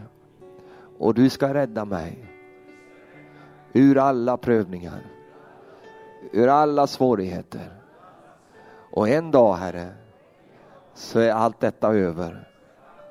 Och då ska jag prisa dig i evigheternas evigheter. Och när jag då vänder mig tillbaka och ser över mitt liv så kommer jag förstå att allt var värt det. För det jag har funnit nu. Amen. Halleluja. Prisat vare Gud. Amen. Underbart. Tack Jesus. Den härliga ande här. Härlig atmosfär. Tack Jesus. Ibland har vi liksom en färdig bild av vad det betyder att glädja sig i prövningen. Men det handlar ju just om detta där vi är nu. Halleluja, Jesus fokuserade. Och bara tänk Jesus, du är så underbar. Halleluja. Det är ju inte det att vi bara så hoppa, skutta och dansa. Det gör vi ibland.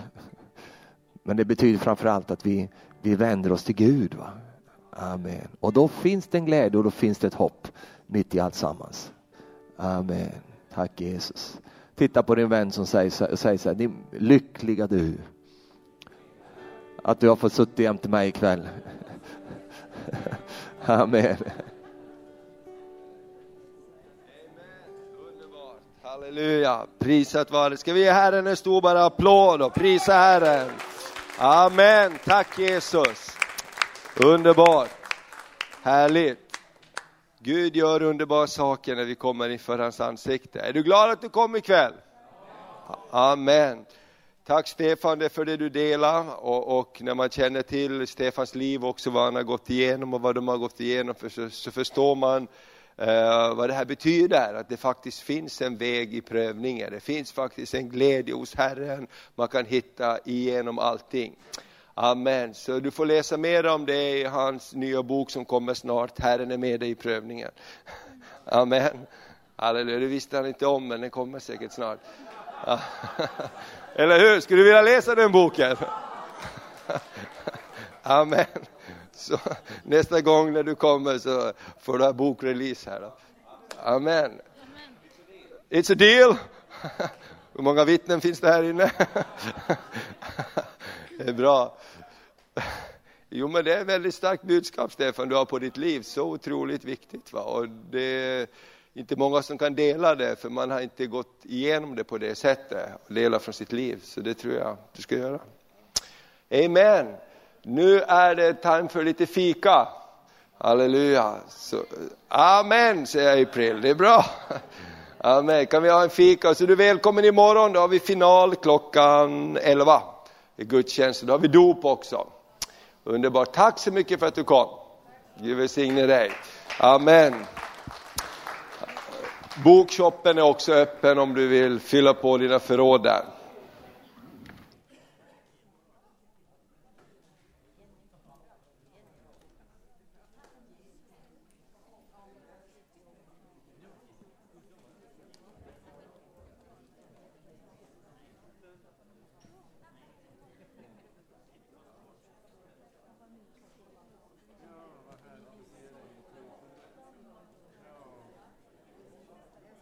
Ungefär till kvart över sex och så har vi en trekvarts paus och, och, det finns kaffe och sånt här om man vill ha där ute och så kör vi på igen ikväll.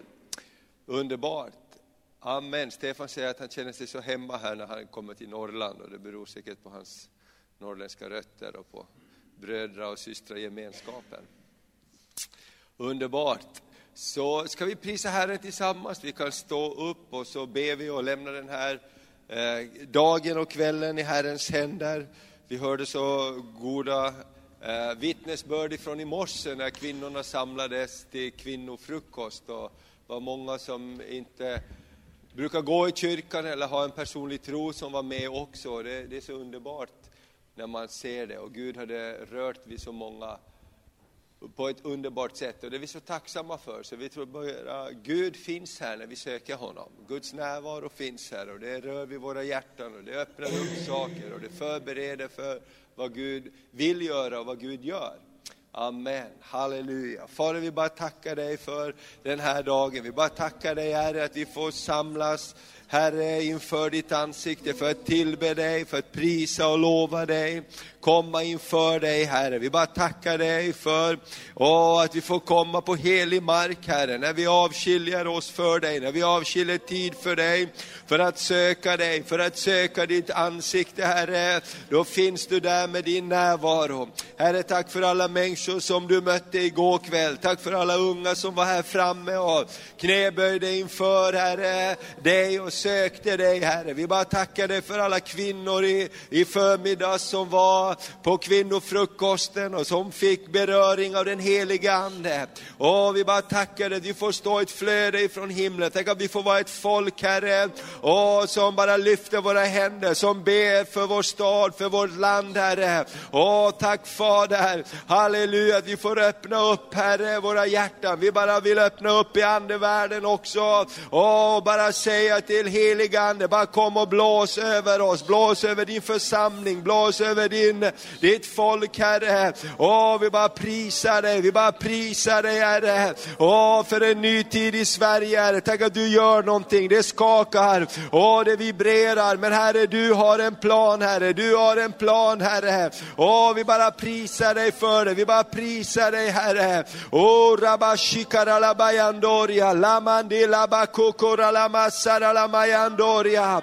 Åh, oh, rebele bakita lamakotora la Mayandaria. Åh, vi bara får kalla Fader på det som inte oh, åh, syns som om det redan vore till Herre. Därför i din värld, åh, inför dig där finns det till Herre. Åh, vi bara prisar dig Herre. Vi bara tackar dig för landningsplatser, för din härlighet Herre. Åh, landningsplatser för din härlighet i den här staden, i det här landet Herre. Åh, där du berör människor, där din heliga Ande kommer över människor. Halleluja. Åh, vi bara prisar dig för församlingens upprättelse, Kristi kropps upprättelse. Halleluja, i helig skrud Herre. Åh, så kommer det unga skaran inför dig. Halleluja, vi bara prisar dig Herre, vi bara talar ut Herre. Åh, vi bara profeterar över framtiden Herre. Om din härlighet som kommer över ditt folk Herre. Åh, moket som brister.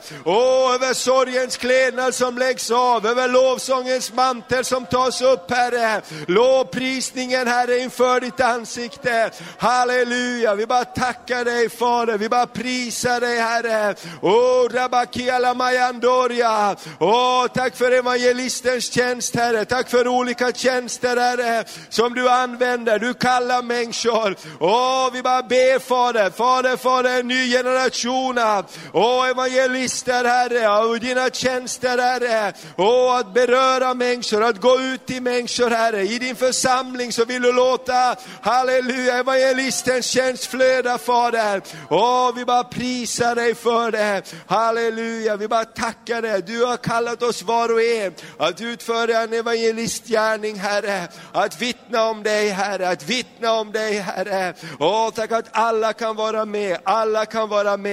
Åh, vi bara prisar dig, vi bara prisar dig, vi bara prisar dig Herre. Åh, tack för smörjelsen. Åh, tack för smörjelsen. Vi bara ber om öppenhet för smörjelsen Herre. Åh, vi bara ber om en öppenhet för smörjelsen Herre att verka. Åh, vi bara står emot antikrists ande som en ande mot smörjelsen. Åh, vi bara står emot den antikrists ande som är rådande här i världen. Åh, vi bara säger till du antikrist Åh, du har ingenting att göra i Guds församling, du har ingenting att göra över Guds folk, för vi har Kristi ande, vi har smörjelsen. Halleluja, smörjelsen banar en väg, smörjelsen bryter oken. Halleluja, åh vi bara ber om det Fader, du vill smörja ditt folk, du vill smörja din församling. Åh dina tjänare Herre, tjänarinnor, sönerna och döttrarna Herre. Åh vi bara prisar dig för det. I Jesu Kristi namn, vi lovar dig, vi lovar dig, vi lovar dig. Halleluja, halleluja, vi tillber dig Herre. Åh, vi bara tillber dig Herre. Tack Herre, tack Herre för Guds fruktan Herre, när det skakar Herre, när olika saker skakar Herre. Tack att vi får ta vår tillflykt till dig Herre. Tack att vi får se på dig, lära känna dig Herre. Halleluja, vandra med dig. Vi bara prisar dig, vi bara lovar dig Herre. Åh, Jesu namn Herre. Åh, Rabakila Bashikarala Mayandaria. I Jesu Kristi namn Herre, Shiborolobodia. Halleluja, tack att du öppnar Herre dörrar som har varit tillstängda Herre. Åh, du öppnar det som har varit tillslutet Herre. Åh, vi bara prisar dig Gud att det står i Bibeln att du öppnade Lydias hjärta så hon tog emot det som talades. Och vi ber att du Herre öppnar våra hjärtan ikväll och idag Herre. Men du öppnar också människors hjärtan över hela den här staden Herre, i vårt land Herre, så öppnar du människors hjärtan Herre. Halleluja, så evangeliet kan komma in, de goda nyheterna. Åh, vi bara prisar dig Fader, vi bara prisar dig Herre. Åh, vi ber för de vännerna som var här i morse Herre. Åh, de kvinnorna som inte brukar gå i kyrkan men kom i morse Herre. Du berörde dem Herre. Åh, vi bara ber att det ska bara vara en fortsättning Herre. Åh, du bara ska resa upp dem Herre, frälsa dem och låta din ande bara vila över dem. Halleluja, vi bara tackar dig för nya människor in i ditt rike Herre. I Jesu Kristi namn. Åh, vi bara prisar dig för det. I Jesu namn. Amen, amen, amen, amen. Halleluja.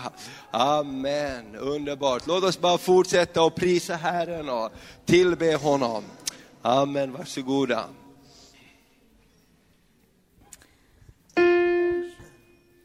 Gå in i hans portar med tacksägelse, i hans gårdar med lov. Tacka honom, lova hans namn. Ty Herren är god, hans nåd var i evighet. Hans trofasthet från släkte till släkte. Tackar dig, Herre. Tack för att vi får tacka dig, Herre. Tack, Jesus.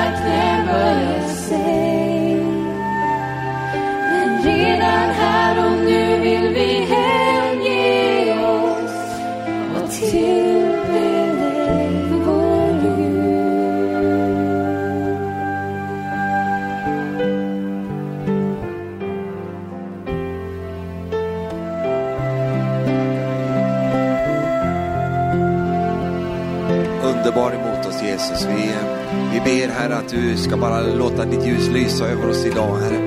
Vi ber dig Herre att eh, nåd Herre ska vara över oss Herre. Vi tackar dig för att du öppnar ditt ord för oss och vi ser det du vill visa oss Jesus. Vi prisar dig och lovar dig Herre. Kom helige Ande rör vid våra liv.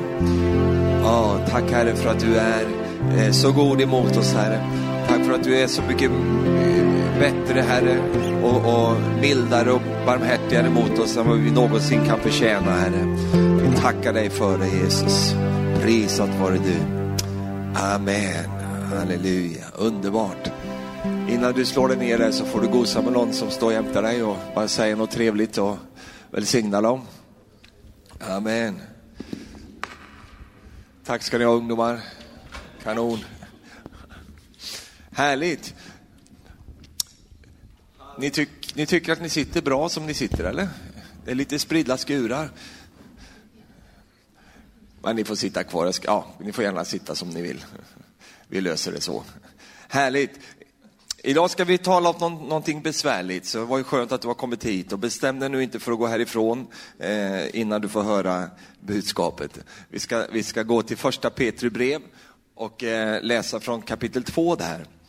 Och sen så ska vi eh, landa i några tankar innan vi går till kaffet. Amen. Det är en glädje att vara här. Jag är, bara kul att vara här. Halleluja. Underbart. Marie hon var så glad när hon kom hem och sen så blev, blev hon, fick hon så ont i huvudet sen så att då, då, jag vet inte vad ni gjorde med henne där kvinnorna. Ni, ni, ja. Men så hon vilar lite här bara. Nu står det så här i första Petrusbrev kapitel 2, vers 21. Det är Petrus som talar här. Han säger så här, detta har ju ni blivit kallade till, att Kristus led ju i ert ställe och efterlämnade ett exempel åt er för att ni skulle följa i hans fotspår. Han hade inte begått någon synd och svek fanns inte i hans mun. Och när han blev smädad så smädade han inte igen, utan när han led så hotade han inte. Han överlämnade, han överlämnade sin sak åt honom som dömer rättvist.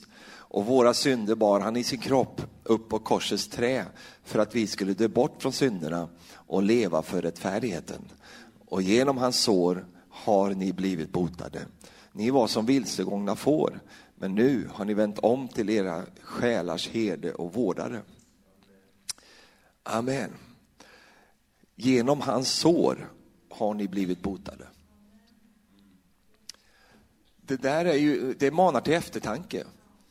Alltså, Eh, de flesta styrkorna, de flesta välsignelseflödena som vi kanske upplever i våra liv är ju absolut inte från såren. Men eh, från Jesus sår flödar en ström av läkedom. Hur är det med dina sår? Vad flödar ur dem? Och det är det här jag vill liksom lyfta fram idag. Eh, att, eh, jag, jag kan tycka så här att, alltså, inte nu längre, men när jag var liten så förstod jag inte riktigt det här. Jag, förstod, inte- jag fick inte ihop det riktigt, att eh, Jesus skulle ha sår. Eh, vi har ju en champion, vi har ju en fin staty på Jesus där. Eh, vi har eh, eh porträtt målade av honom och eh, till hans ära. Och eh, eh, han är ju kungars kung, han är herrars herre. Han är den, den liksom felfrie, han är allt vad vi någonsin drömmer om att kunna få bli. Eh, han är ju denne Jesus som, som vi ser upp till och som hela världen på olika sätt ser upp till. Men samtidigt så har han sår. Va? Eh, vad är det för fel i bilden? Jesus, var, varför har du sår? Eh, och eh, eh, varför väljer du att visa fram dem det första du gör? När Jesus var uppstånden ifrån de döda så kommer han till sina lärjungar och sen så, det första han gör det är att han förmedlar det han alltid gör. Han förmedlar frid till dem. Han säger frid vare med er. Bara där kan vi ha möte och det ska vi inte ha. vi har ett möte i en annan riktning. Men han, han säger frid vare med er. Och det andra han gör för sina lärjungar det är att han visar sina sår för dem och säger se på dem. Känn på min sida, se. Och så säger han, det är jag. alla blir jätteglada och de tycker det är så underbart att Jesus är, är verkligen där, han är på riktigt och eh, han betjänar dem. Och eh, sen så möter de Thomas, av någon anledning så var Thomas inte, inte Thomas Nordberg, utan eh, Thomas, lärjungen Thomas, han var inte där. Va? Han, han, missade det här och vi får ingen förklaring för varför han inte var där. Eh, det kan ju vara så att han var så ledsen och så deppig så han ville liksom inte ens gå ut i huset. Eh, det är nog ganska rimlig förklaring skulle jag kunna tänka mig. Eh, för sån är ju du också och sån är jag också ibland. Att när det är så riktigt jobbigt och när det har hänt saker så kanske inte vi ens vill gå ut och möta folk. Eh, så kanske var det så med Thomas och han hade säkert någon eh, eh så att säga, personlighetskurva eh, i sitt liv som många människor har. Han kanske inte var den här som alltid sökte sig till gemenskapen när det blev jobbigt utan han drog sig undan kanske. Vi behöver inte spekulera i det, men han var i alla fall inte där. Han kanske bara hade missat att det var ett möte där. Så vi, vi behöver inte dra ut för långa trådar på det där. Men, men, han var inte där i alla fall. Och så kommer lärjungarna till, till, eh, till Thomas efter de hade sett och mött Jesus. Och det första de gör när de möter Jesus, eller möter Thomas är, vi har mött Herren. De var jätteglada och de var så tacksamma, de var så upprymda, precis som du är när du har varit på en stark konferens och kommer hem och berättar vilka underbara möten du har varit på. Fantastiskt där. Har du märkt att ibland så blir det inte det gensvaret riktigt den, från den som var hemma och som gick och, och, och, och skura golv hela veckan när du var på konferens eh, och, och, som inte riktigt var med i atmosfären. Ibland kan det där vara en utmaning för oss. Så, eh, vi män har ju stor utmaning med det när vi går på möten och sen när vi kommer hem så ska vi redogöra för allt som sades och gjorde på mötet. Och det enda vi får fram det är att det var bra. Det var kanon, det var jättestarkt. Men vad talade han om då? Äh, jag kommer inte ihåg, det var någonting om Jesus han talade om och det var starkt i alla fall. Eh, och så kan det bli lite frustreringar där för de som inte var med. Thomas säger eh, som ett svar på det där eh, när de säger vi har mött Herren. Det första han säger, om inte jag får se såren så kan jag inte tro. Med andra ord, jag kan inte tro att det är Jesus om jag inte får se såren på honom. Åtta dagar senare så har vi ett exakt likadant möte. Eh, det här, allt det här kan du läsa om i evangelierna. Eh, exakt likadant möte, samma sättning, samma rum som de satt i. Inlåsta var de.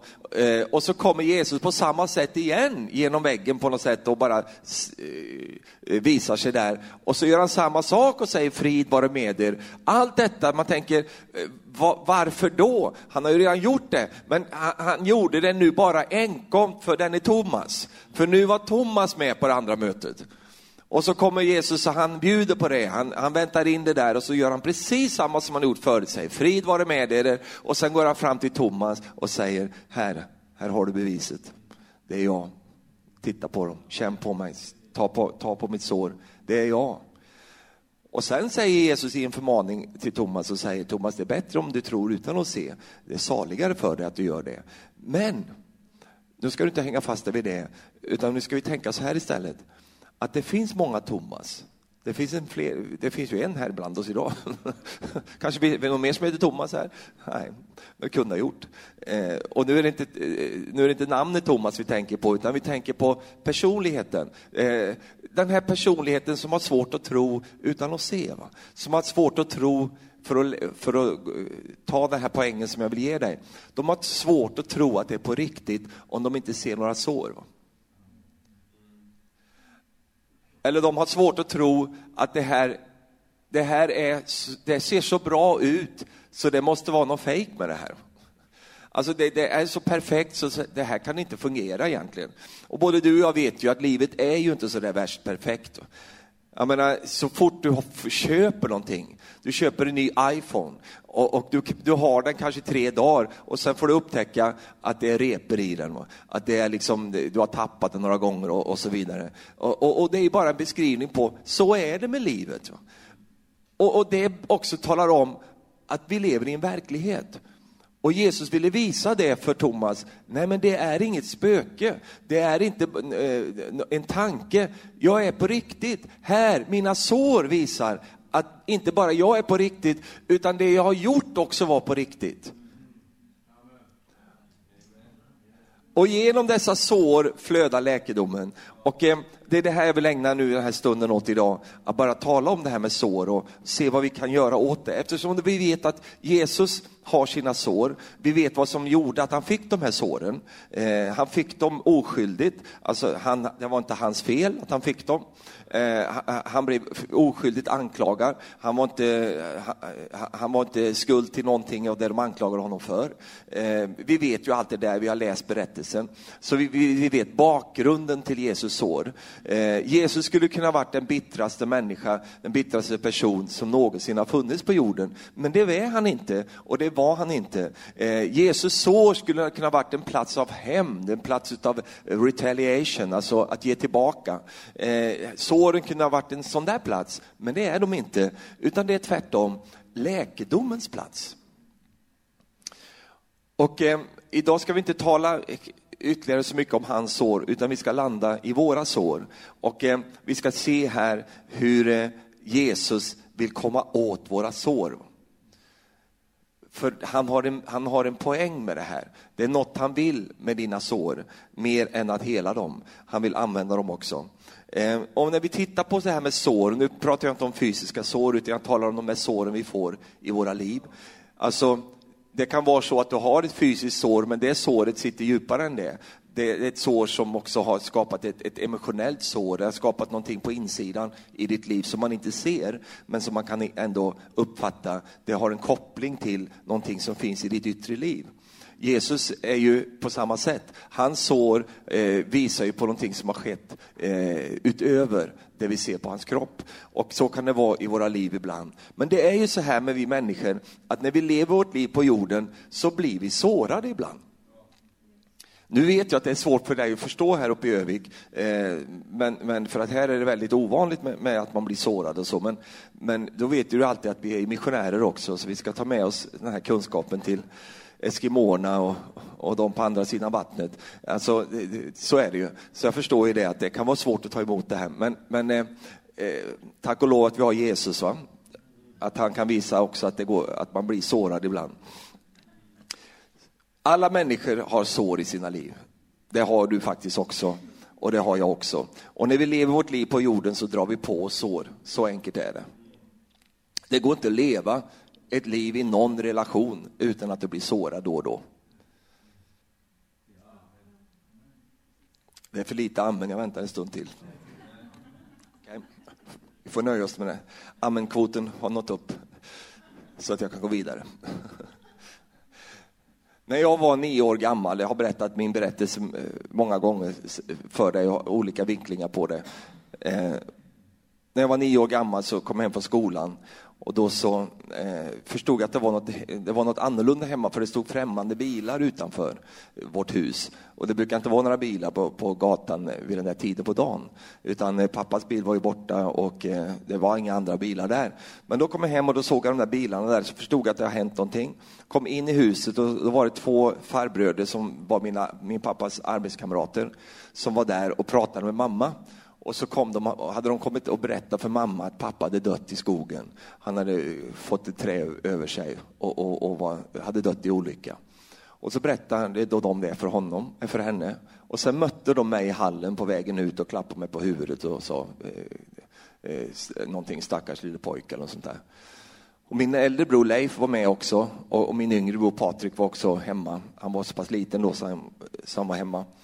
Och då kommer jag aldrig glömma när jag gick sen till, till mamma där hon var vid köket och så satt hon ner vid bordet där. Och hon var ju förstås både chockad och, och, och eh, väldigt ledsen. Och hon samlade sig och efter en stund så kom de andra barnen hem. Vi var ju åtta syskon i familjen så det var mycket barn. Eh, så till slut så var ju alla hemma. Eh, mina äldsta bröder var där också, som, som också arbetade med, med pappa förresten. Eh, så, så satt mamma ner där och så samlar hon hela familjen och så säger hon så här, pojkar, så här, idag har pappa gått hem till Jesus. Och nu måste vi prisa Jesus för att eh, pappa är bärgad, pappa är hemma hos Herren och Jesus kommer att ta hand om oss. Och sen, det var nog första gången som jag såg sår den här lilla kvinnan då som skulle ta hand om, hon var ju bara 40 år, så skulle ta hand om den här familjen och, och, på den tiden var det inte lätt. Och det är inte lätt nu heller. Och så skulle hon liksom reda i det här och så vidare. Eh, och då såg jag på henne eh, någonstans, jag var ju bara nio år, jag kunde inte förstå så mycket. Men jag såg att hon, nu hade hon fått sår. Va? Och de såren gick aldrig bort. Va? Hon hade dem för resten av hennes liv. Och jag såg dem. Jag såg dem i hennes ögon. Och, och sen så fick jag ju följa henne jag menar som, som pojk och så vidare, så man blir tonåring och, och så där. Och sen när man inte riktigt liksom hade det här klart för sig med Gud och så där, man förstod inte riktigt allting. Men jag såg på mamma att trots att hon var sårad så var hon hel. Trots att de, jag visste ju vad hon har varit med Jag visste hur svårt det var för henne. Jag visste vilken kamp hon hade. Jag visste eh, att det här var inte lätt för henne. Och ändå var hon så glad. Va? Ändå var hon så uppåt, ändå kunde hon uppmuntra andra och så vidare. Och det här gick inte ihop för mig. Eh, alltså, hur, hur, hur går det här ihop? När mamma dog så många år senare och vi tog farväl till henne vid graven så var det en släkting på längre avstånd som var en, en ganska bitter person. Han var inte kristen utan han var, han var mest bara bitter. Eh, och han kom där till, till oss där vid graven och, och så sa han till oss här. Och vi, för vi prisade ju Jesus och tackade Jesus för, för allt mamma hade betytt för oss och, och så där. Det var en härlig stund. Va? Eh, och, och eh, lillebror Patrik han höll så fint tal för mamma och, och, och allt sånt där. För du, du, vet lillebror, det är ju alltid lillebror. han hade en speciell koppling till mamma och höll fint tal. Och då säger den här personen, den där väldigt fräckt och fränt till oss där, precis vid graven. Vad är det för en gud ni har? Vad kan ni tro på? Titta, er pappa är ju död. Va? Titta vilket elände ni har varit med om. Du Stefan, hur mycket problem du har haft, hur mycket utmaningar du har haft. Vad är det för en Gud du tror på? Ser du här, det ligger din mamma här nu. Och så fräste han vid oss, på oss där vid, vid, vid, graven. Och så gick jag ju hem och så, så, så tänkte jag på allt det där. Och, och så tänkte jag på, ja, hon var en, en människa med mycket sår och ändå hade hon sånt helt liv. Hon var en glad lax alltså. Hon hoppade skutta och prisade Jesus och, och, och hade ett, ett uppåt-liv kan man säga. Men ändå var hon sårad. Och det för mig att stå och titta på det här och se att kunna leva på det sättet, att kunna ha ett liv som är fullgott, att ha ett liv som är härligt trots att man har sår. För mig det är så förbryllande. Tills jag läste det här så blev det som en uppenbarelse för mig, det var många år sedan, när jag såg att också Jesus har sår. Va? Att han har det också och han skäms inte för dem. Utan det är ju som att det är en plats av styrka för honom. Hur går det ihop? Jag fattar inte det riktigt. Jag, fick inte ihop det i början, för jag tycker att alltså, som kristen så, så borde man ändå ha en liten större gräddfil, liksom. att det skulle ändå vara lite, jag menar, det är ju lite så en del tror att det är att bli kristen, ja men då får du, slipper du alla problem och, och så, så, får du bara ta dig igenom på, på mycket smidigare sätt. Va? Då har du vunnit Bingolotto, vinsten från himlen och så flödar allting på. Och så upptäcker vi, det är ju inte alls på det sättet. Utan du kan ju till och med tänka så här, det är ju, det är ju nästan än svårare att vara kristen än vad det var att inte vara kristen. I alla fall kortsiktigt kan det verka så. Så då tänker man, vad är, vad är det här kristna budskapet då? Vad är segerbudskapet? Vad är, vad är det för någonting då? Hade mamma seger? Har, har, har de här människorna, har Jesus seger som, som har sår? Absolut. För ibland definierar vi seger på ett sätt som, som bara är en, en, ett världsligt sätt. Men det är inte Guds sätt att definiera seger på. Och vi ska försöka snickra ut det här eh, i olika tankar. Så jag såg de där såren på mamma när, var, när jag var liten och, och, det där gjorde intryck på mig. Jag, och jag fick inte riktigt ihop det från början. Jag förstod inte riktigt vad, vad det var för hemlighet med hennes liv. Hur kunde, hon skulle kunna varit så bitter, hon skulle kunna varit så besviken. Men det var hon inte. Hon var glad istället. Hon var uppåtgående, hon hade en styrka i sitt liv trots att hon hade sår. Och såren försvann inte heller. De var kvar.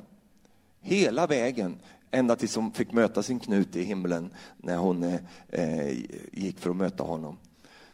Och då, då har jag liksom eh, snickrat ut lite olika tankar om det här.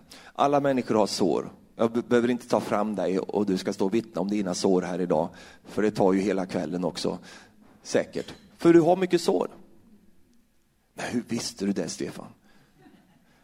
Jo, det såg jag på dig. Nej, jag såg det inte på dig, men jag kände det.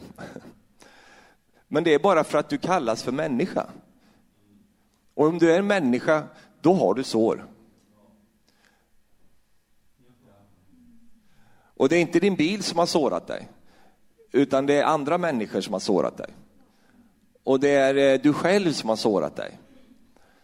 Du kanske tror att det var bilen som sårade dig. Ja, det kanske det var, om det beror på vilket märke du hade.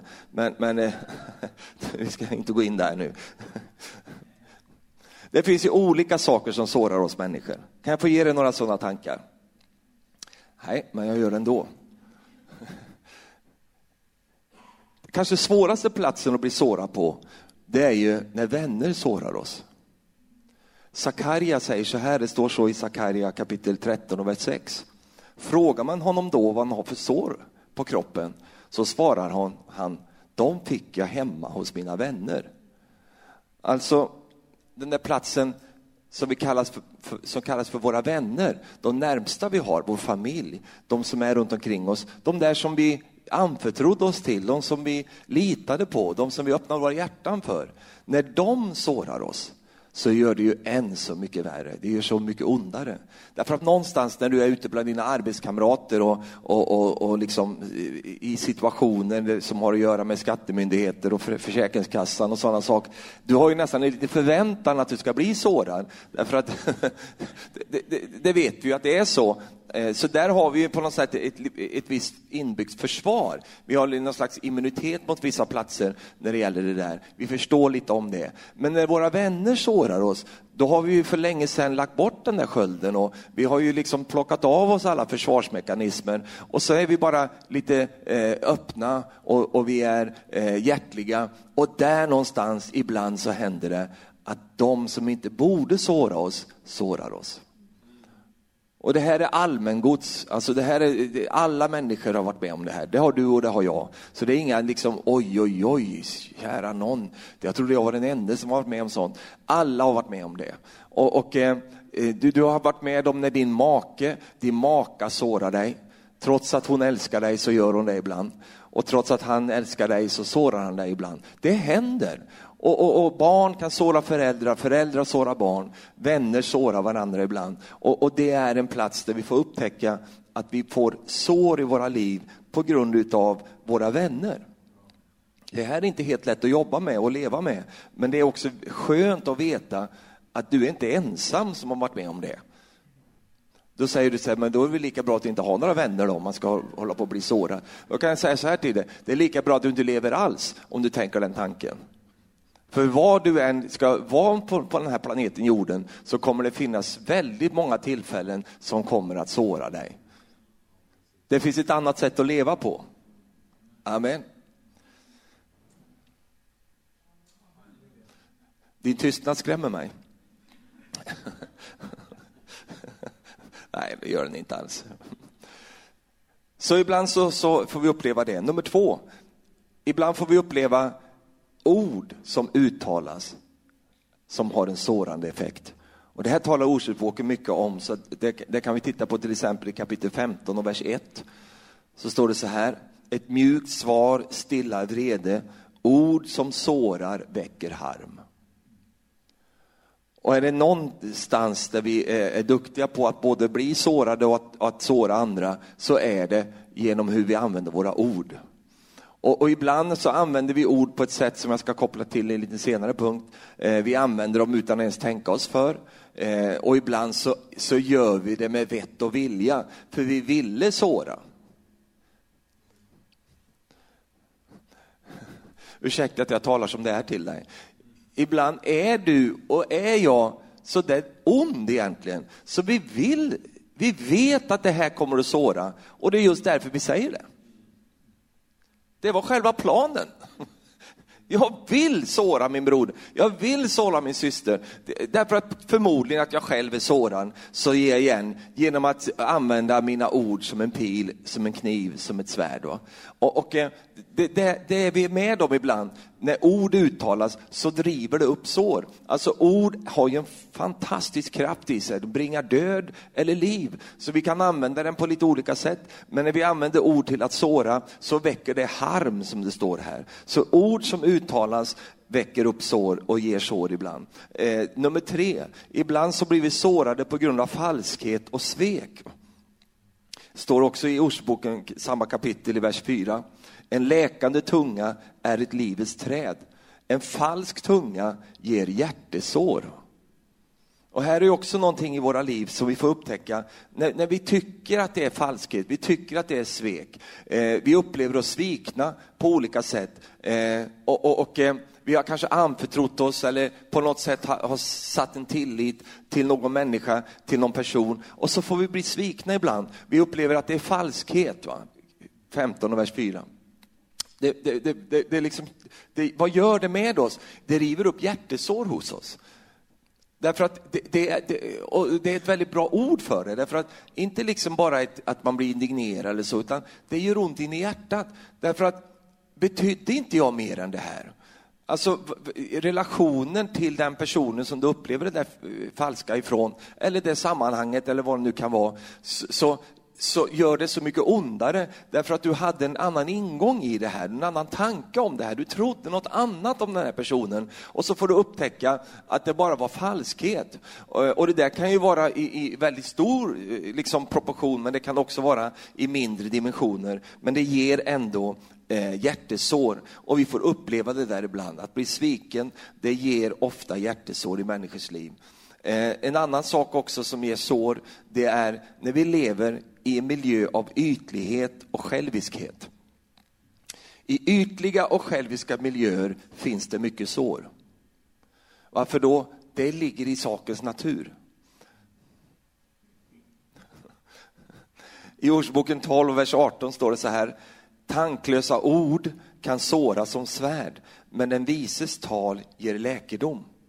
Alltså tanklösa ord, det var det jag ville koppla till det förra jag sa här. Alltså, tanklösa ord är som en beskrivning av en miljö. Och det är just detta när det bara är en ytlig miljö. Jag var inne lite grann på det igår också när jag talade om det här med hjärtat och hjärtats dörr och allt det här.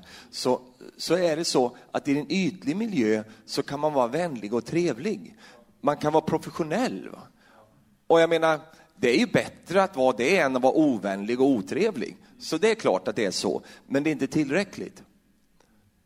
Alltså man kan säga alla rätta orden och du kan ha, ha rätt stil och allt sånt där och, och, och, och man känner att vad, vad, är det, vad är det jag saknar här? Och ibland är det nästan till och med lite bättre med lite rough and tough och lite omklädningsrumsupplägg eh, med lite svettiga handdukar och lite knytnävar, därför att det är i alla fall hjärtligt. Och det finns ett ord som talar om det också, att ovännens eh, kyssar ges i överflöd. Va? Det är väldigt mycket kyssar där. Vet du. Oj, vad det pussas. va. Och det kallar Bibeln för ovännens kyssar. Men vännens slag ges i trofasthet. Va? Nu ska inte jag liksom, vi behöver inte dra ut det här för långt. Va? Så någon som blir riktigt uppmuntrad här och säger amen. Nu ska jag ner och smälla ner brorsan. Va? Men jag tycker om den här tanken av den typen av gemenskap. Nu är jag ju man också, så att jag, jag är man. Va? Och, och, eh, och, jag har spelat mycket fotboll och jag har mycket lagsporter och sådär, så jag har massa bröder och, och växte upp i det där upplägget av att, att ja, men vi slogs i vår kärlek. Va?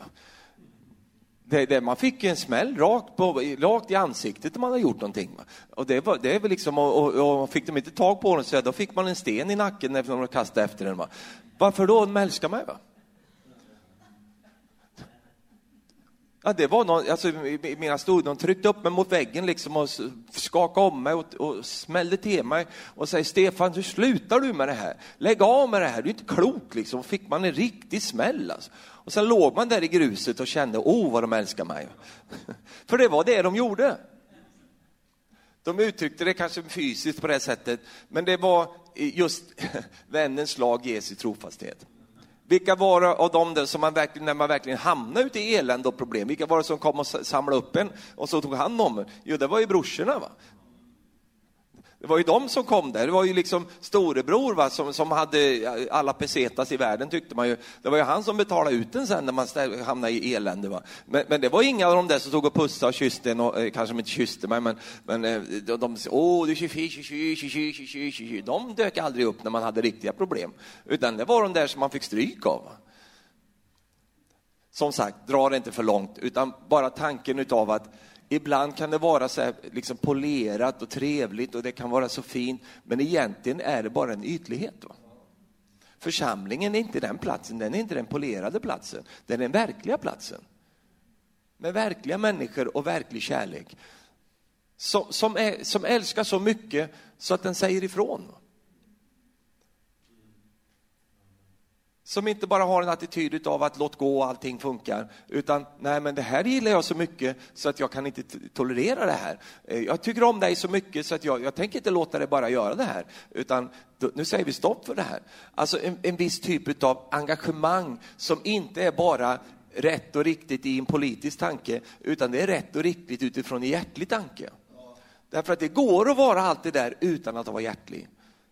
För- Men om du ska vara hjärtlig, då måste man gå ner på djupet. Va? Och världsmänniskan har så svårt med det. Därför att om jag ska gå ner på djupet, då måste jag kontakta mitt inre och då måste jag leva med, utifrån mitt hjärta. Och när jag då lever utifrån mitt hjärta så är ju det så svårt, därför att det är just där som jag blir sårad så ofta. Så med risken av att själv bli sårad så ägnar jag mig, engagerar jag mig i alla fall. Därför att det är bättre än att bara stiga upp några våningar och bara ha kontakt med det som syns på ytan och, och, och leva där och, och liksom vara eh, eh lite okej och så vidare så att ingen liksom kan säga någonting och det kan eh, ja, allt det där. Men det i sig självt är sårande. Det i sig självt gör att man känner sig frånstött. Ytlighet och själviskhet, det ger sår. I sådana miljöer är det mycket sår. Jag tänker på den, den själviske som det står om här, den missunnsamme, i, i, i kapitel 23 i samma Ordsordsbok. I vers 6 så står det så här, ät inte den missunnsammes bröd, var ej lysten efter hans läckerheter, för han handlar efter sina själviska beräkningar. Jag tycker det är intressant som det står där i, i folkbibeln, för han handlar efter sina själviska beräkningar. Han säger så här, ät och drick säger han till dig. Men han menar inte det. Och, och, så säger Bibeln, sitt inte och ät där. Va? Åh, ät du, ta för dig bara. Ät och drick. Men det ligger ingen menande tanke bakom det. Han tycker inte att du ska göra utan han bara sitter och kalkylerar. Det kan lika gärna vara en hon. Va? Så när jag säger han är det för att det, det var det första ord som kom. Va? Och jag bara, bara vägrar rent bara, jag har en, en, en ren, ska vi säga, princip att jag säger aldrig hen. För antingen är det en hon eller också är det en han, det är inget där mitt emellan. Va?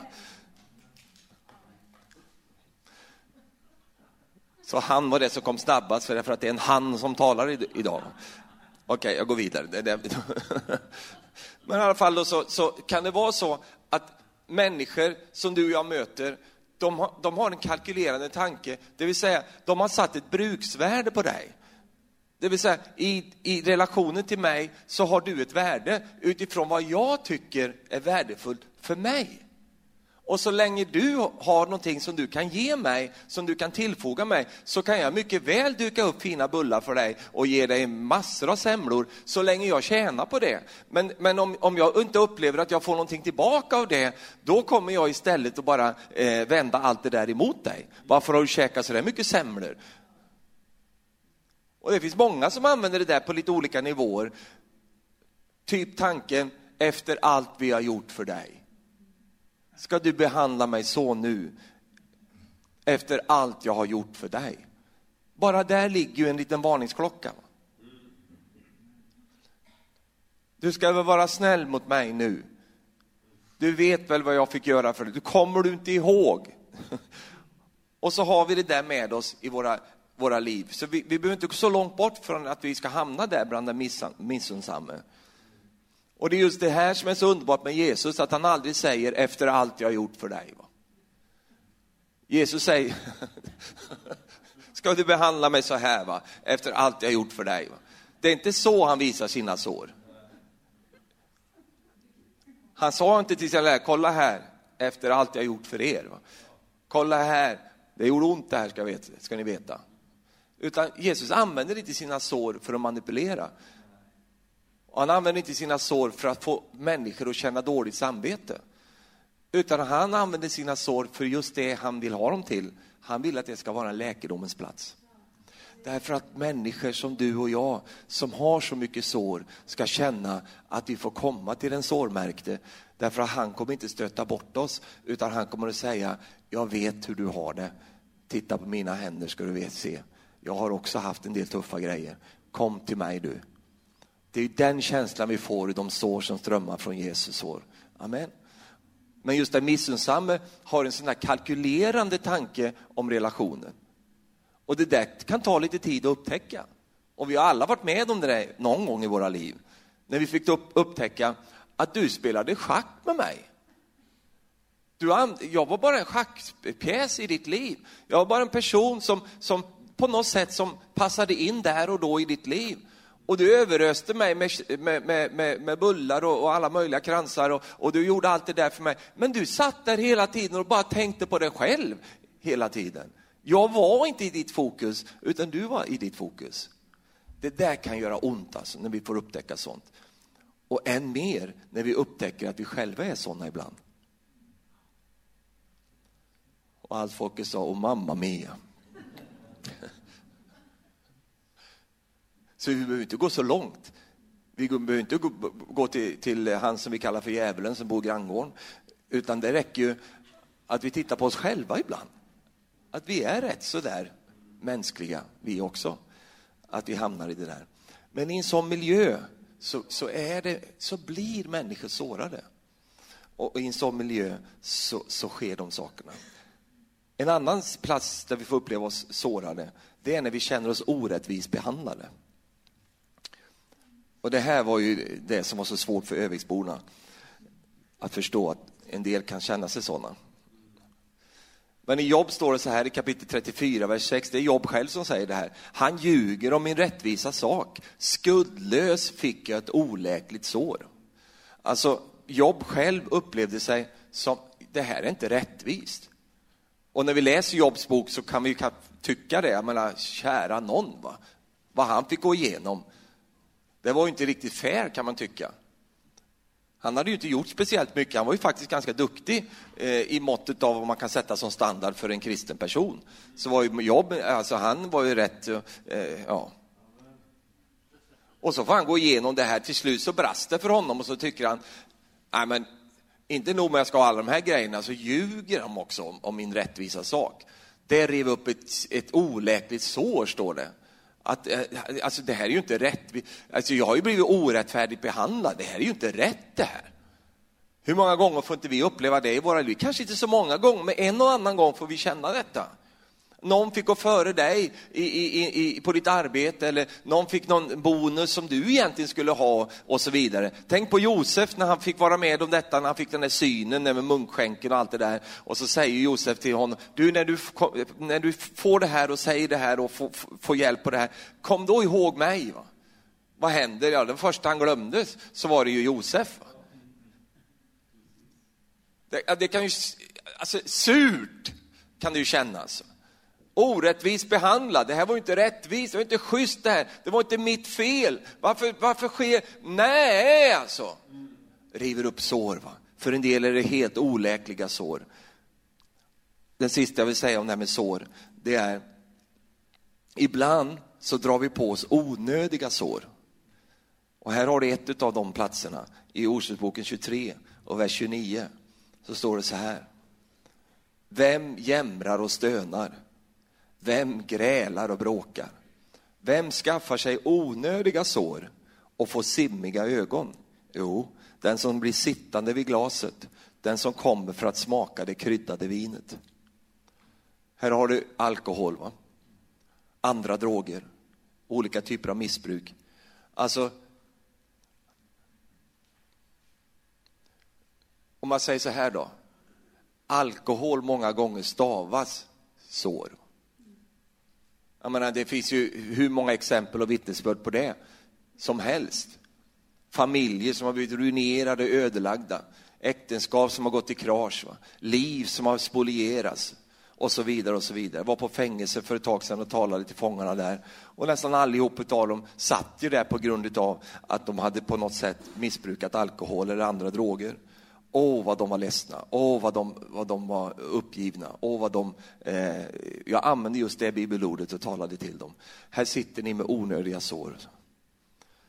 Men det finns en som har sår som, som kan hjälpa de där såren. Och så fick jag tala om Jesus och hans sår en stund. Men, men ibland är det så, så, så onödigt. Va? Effekterna utav alkoholen, vad det gör i människors liv och så vidare. Eh, det kan vi då kalla för onödiga sår. Ibland är det andra saker som är sår som kommer på grund av ett, ett, en livsstil som, som manar till dessa sår, som gör att det blir på det här sättet. Och, och vi får alla eh, vara med om det ibland. Antingen att du blir sårad utifrån en sån här verklighet, eller att det själv är situationer som du hamnar i som är helt onödiga och som ger sår. Så med allt det där sagt då så ser vi ju det att det går inte att undvika att bli sårad. Men, och nu kommer evangelium, det går att göra någonting åt såren som vi får. Alltså fram till den här punkten så, så skulle jag kunna ha vilket, eh, vilken publik som helst och alla skulle kunna vara med mig och, och förstått allt det här. Men det är inte alla som har hört evangelium om det här. För evangelium är ju mer än en analys. Det är ju mer än att ställa en diagnos. Min dotter som håller på att studera till, till eh, någonting, kommer inte ihåg vad det var Det är ju som ungdomar nu för tiden. Man vet inte vad det är de studerar till. De går på skola hur länge som helst. Ja, ja, så håller på där. Och så, och då var det på sån här, någon, någon kurs av något slag. Eh, och då, då så... Då så eh, och det handlar om det här med lite liksom ställa diagnoser och sånt där. Och då fick hon reda på att, att det finns så många människor som, som de längtar efter att någon ska ställa en diagnos på dem. Ge mig en diagnos så blir jag lycklig. Va? Och det är en väldigt riskabelt tillvaro att vara i. Att vara så liksom, eh, suktande och längtande. Tala om för mig vad det är för fel på mig så blir jag jätteglad. Va? Det spelar ingen roll om det är rätt det du säger, bara du säger någonting så blir jag jätteglad. Ja, jag säger att jag har ADHD, Asperger och, och liksom eh, vilka berg som helst. Va? Så, så, säg det bara, så oh, vad glad jag blir. Och så berättar hon att det, människor kommer in och får diagnos, de går därifrån glada. Va? Äntligen så får jag reda på vad det är för fel på mig. Underbart, vilken dag, nu ska jag fira. Alltså, jag, jag, någonstans så kan jag förstå lite grann det där, att gå omkring och, och känna att det är någonting och, och, det kan vara någonting och så vidare. Och vad skönt någon talar om då vad det var för någonting. Men det är bara så att det är bara en diagnos. Det hjälper ju inte själva utvecklingen. Möjligtvis att det då skulle kunna bli till att det leder till att man ändrar sin kost eller man gör lite olika saker. Och, så får, och eftersom det är så många människor som det egentligen inte är så värst mycket fel på, så får man ju koka ihop formler som låter väldigt liksom allmänt och liksom i stort sett varenda människa kan ha den där diagnosen. Och så kan man titta på det och så vidare. Du vet, jag brukar berätta om mina lustigheter som jag har för mig. Man, man går in och googlar på grejer och så vidare. Och man kan ju i stort sett ha allting. Va? Jag fick för mig, jag fick för mig att jag hade Parkinson häromdagen. Nej, det var flera år sedan i och för sig. Och sen började jag läsa om det, det har jag säkert. Va? Jag har säkert de här problemen. Men så insåg jag, nej men jag, jag, jag, jag är nog hela från rätt, så tänkte jag då. Så kom jag till min medarbetare på morgonen och sa, vad underbart, idag blir jag helad. Så, så jag, vad då ifrån? Så, Parkinson. Så. Jag sa, har du fått park? Jajamän, hade hela natten. Sen blev jag frisk. Men vi människor, vi är ju som vi är. Va? Men just detta, tala om för mig, ge mig en diagnos så kan jag leva med det på något sätt. Säg till mig att jag är liksom tokig i huvudet eller vad som helst. Så, åh vad glad jag blir. Säg det bara så får jag reda på det. Så, så kan jag leva med alltså det. Det är, det är en slags samhällssjukdom det här. Det är no, något som är i, i tiden på något sätt, som är väldigt lustig och konstig. Och det tror jag går tillbaka till att folk är så liksom vilse i pannkakan. Så man vet inte, så, vad, vad händer med allting och vad händer med mig och, och, och nu och allt och hit och dit. Och vi läser alla, alla dessa grejer och, och allt finns tillgängligt tråkigt och vi får för oss en massa saker och, och det ena med det tredje och till slut så sitter vi där och blir lyckliga över en diagnos. Vad underbart! Jag hade hela alfabetet, vad fantastiskt. Jag kan sätta ihop massor av grejer ifrån den här diagnosen. Nej, men vänner, evangelium är mer än diagnossättning. Absolut att Jesus säger vad det är för fel på oss, men framför allt så talar han om för oss hur vi ska kunna komma ut ur det här. Och det, det, allt det där gav jag som extra bonusmaterial eh, till det jag vill säga nu, att det går inte att undvika att bli sårad. Ja, det gör det. Sätt dig ute på en stubbe någonstans. Men jag lovar dig, det kommer någon ekorre och gnager hål i huvudet på dig så du blir sårad i alla fall. Det, kommer, det, det går inte att undvika det här. Tänk att jag talar om så ett allvarligt ämne och ni bara sitter och skrattar åt mig här. Det är därför jag är kallad till sånt här. Men det går inte. Det blir inte så. Ja, just det. Nu blir jag sårad. Det går inte att undvika. Det är helt omöjligt. Och nu är inte jag sån att jag inte har förberett den här predikan, därför att jag, hela mitt liv är, är, ligger i den här predikan. Och då har jag tänkt många gånger när man har upplevt sig riktigt sårad någon gång. Och då har jag suttit och tänkt, okej, okay, hur ska jag leva med det här? Man har ju lite olika val. Antingen så, så, kan man ju liksom radera den där personen ur sin telefonbok och då är det ju ungefär ur livet. Man tar bort dem från allting och man blockar och håller på och så vidare. För den där människan, det kan man göra, det är många som gör det. Till slut har du bara det själv i den där telefonboken. Det blir väldigt mycket blockande efter ett tag. Eller också kan man bli lite syrlig, bara så här lite bara ja, professionell och, och lite så här med en distans som gör att ingen kommer åt den längre. Visst, det går att leva så också. Men bara kolla på mig. Vad har jag för framtid då? Jag bara, titta på, du har ju lyssnat på mig, du har ju sett mig. Jag kan ju inte leva så. Det funkar ju inte. Jag kan inte vara formell. Det kanske du kan, men jag klarar inte det. Jag är värdelös att spela poker, jag klarar inte det. Du tänker nog, det var ju, var ju bra att du hade, inte hade den dygden i ditt liv i alla fall. Okej, okay, värdelös. Jag spelar Uno och såna där grejer. Va? Men, men, för det kan man ändå... För det är med den sortens människor jag spelar med. Va? Barn. Va? De, det är jag ju segrare. Va? Men de får ju aldrig bli mer än 15 år, va? för sen funkar det inte längre.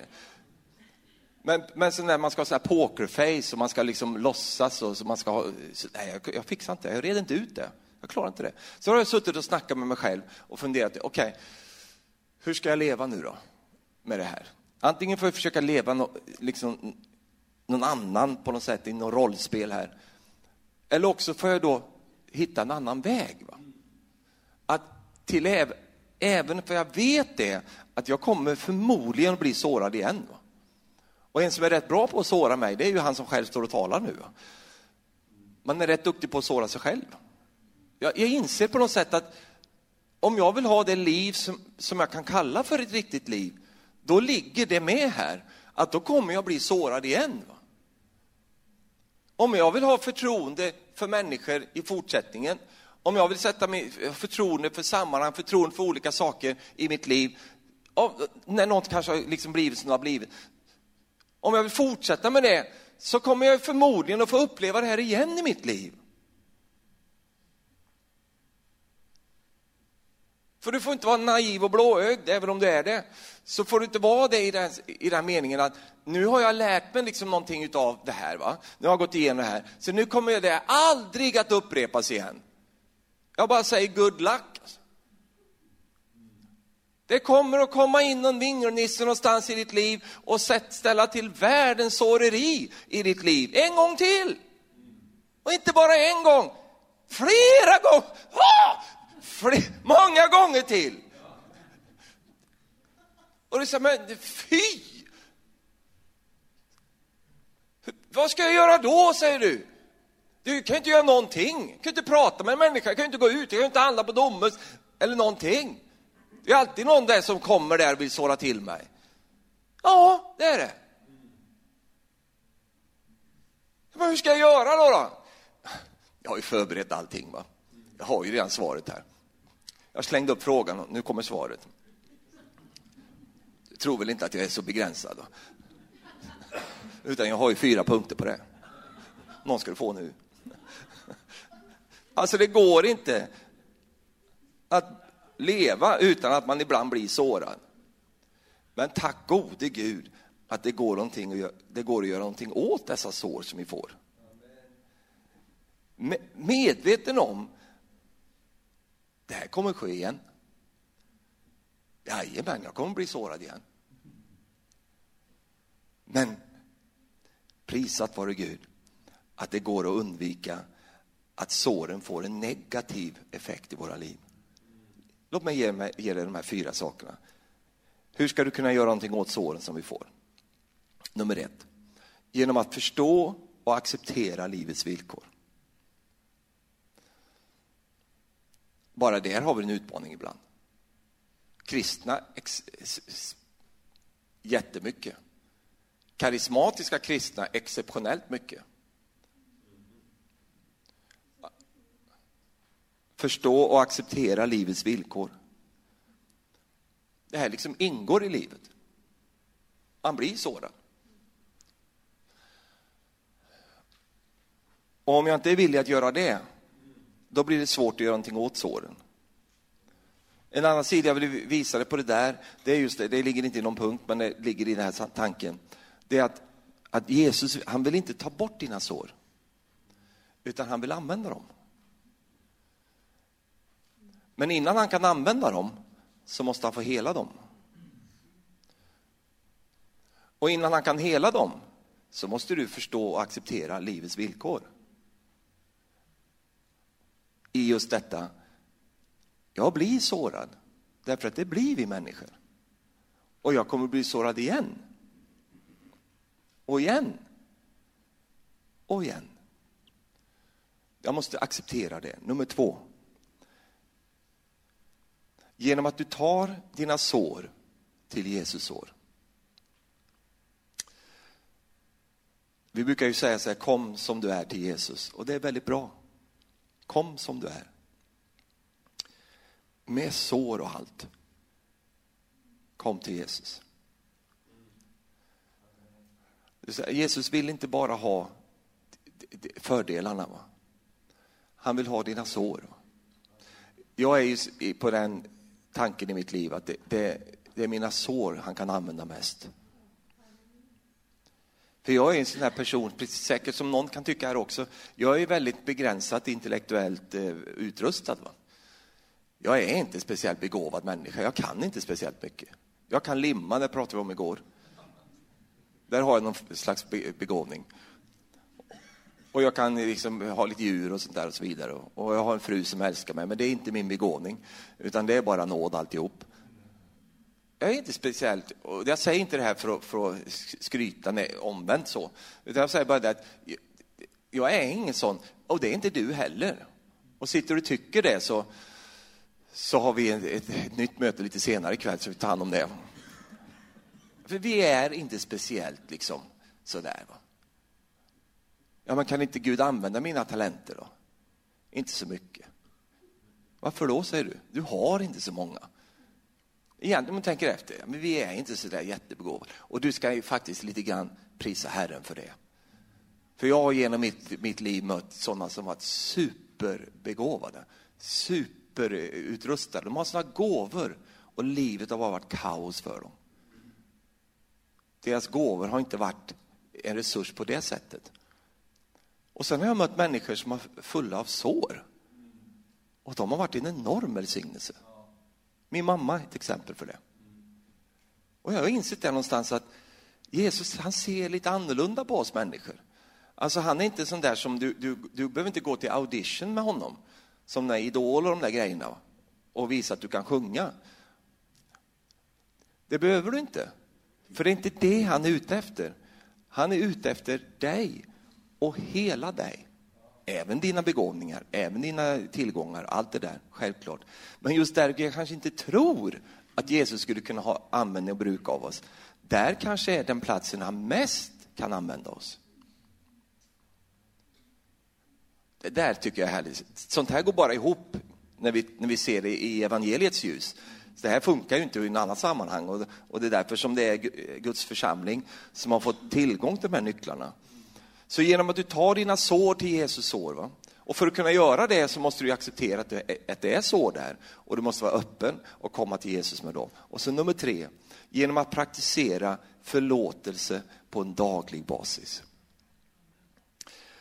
Det här är ju så otroligt viktigt därför att förlåtelse är själva nyckeln i hela det här sammanhanget. Förlåtelse är porten till upprättelse. Förlåtelse startar helandet. Och när vi talar om sår så är helande från sår alltid en process. Det är aldrig så. Det är alltid en väg. Det är alltid en, en process som Gud har för dig och mig. Och du säger så här, är det alltid så? Men jag har ju precis sagt det, att det var alltid så säger men kan han inte bara chili sådär va? Nej, det kan han inte. Det kan han göra med andra saker, men inte det här. För det här området är en plats som han ska bruka. Och eftersom han ska bruka det så måste du vara med på det här. Du måste liksom, alltså, din sårbehandling hos Jesus är också din skola. Det är din utbildning. Och därför så måste du gå på den skolan. Och därför så, om Jesus bara swishar till sådär som vi gör ibland, vi swishar. Det kan man göra med pengar, men det, det, det går inte på det här området, utan det här är en process där vi får bli läkta. Men vägen, eller starten, porten till detta läkande går genom förlåtelse. Och, och, det här har jag talat till, om förut och det har säkert eh, du hört mycket undervisning om, så vi behöver inte gå in i det så mycket, mer än att säga detta, att lägg då betoningen på rätt ställe när du pratar om förlåtelse. Lägg den inte på glömmandet, utan lägg den på förlösandet. Att förlåta någon handlar inte om att glömma det som har hänt, utan det handlar om att släppa och förlösa det. Så många som har så svårt med att förlåta och de tycker inte de har lyckats med det därför att de tror att förlåtelse handlar enbart om att glömma. Men förlåtelse är inte, inte det som är fokuset därför att det finns så mycket saker i det här som du absolut inte ska glömma. Du ska inte glömma bort det som, hur ska då Gud kunna använda det här om du glömmer bort allting? Vad är det för en student? Va? Utan du, du behöver ha med dig det här i ditt liv så att du kan få bruket av det i ditt liv. Du står för släppandet, Gud står för glömmandet. Det betyder att när du ber om förlåtelse eller förlåter någon så löser du den personen. Du löser eh, dig själv ibland, du löser dig ut ur den där fångenskapen. Förlåtelsens fokus är du. Alltså om du skulle göra någonting mot mig så förlåter jag dig, inte för din skull, utan jag förlåter dig för min skull. Det är inte du som hamnar i fängelset om jag lever i förlåt, oförlåtelse, det är jag som gör det. Och det är därför som jag, jag, om jag inte förlåter dig, så sitter jag fast. Och det är det här som gör det så ännu mer jobbigt för människor som inte förlåter. Därför att då, människor så som de har någonting emot, så går de vidare med sitt liv. Och vi och fasa, det verkar ju som att Gud fortfarande är med de här människorna. Vad jobbigt! De får bönesvar. Men Gud, vet inte du vad hon har gjort mot mig? Gissa vem det nu är som sitter i fängelset här. Det är ju inte den personens utan det är, ju, det är ju du eller jag då i sådana fall som fortfarande håller någonting emot någon. Då sitter vi i fängelset. Och så måste vi följa med i allt som händer i den människans liv och vi går ut och kollar. Nej, fy! Hade de råd att köpa en ny bil? De grisarna! Öh! Så håller vi på där. Och så inser vi inte att vi sitter i finkan. Och de är inte ens medvetna om hur du sitter och murrar där på, på din kammare. De är jätteglada och Gud är med och välsignar dem och du får inte ihop det. Och inser inte, det sitter hos mig. När jag löser dig, då blir jag fri. Och du blir löst. Vart då säger du? Var ska jag bli löst någonstans om det skulle vara det? Jo, du blir löst till Guds hantering. När jag inte förlåter en människa, då undanhåller jag också Guds möjligheter att göra någonting åt den här situationen i den människans liv. När jag förlåter och släpper en människa, då släpper jag den människan till Gud. Och då är det alltid någon där och då som citerar ett bibelord på en gång. Amen. Minner hämnden, säger Herren. nu. Och så tänker man att nu ska jag hämnas. Låt mig få ta någon minut om Guds hämnd då. Vad är Guds hämnd för någonting? Jo, det är att han gör en Saulus till en Paulus. Vad menar du med det? Han som förföljde de kristna, han som gjorde det så svårt för dem. Så kommer Gud att hämnas och, och dyker ner i Paulus liv och knockar honom av hästen. Han hade ingen sadel med sig den dagen. Han bara ramlade av. Och så ligger han där i gruset och får han om, omvända sig till Gud.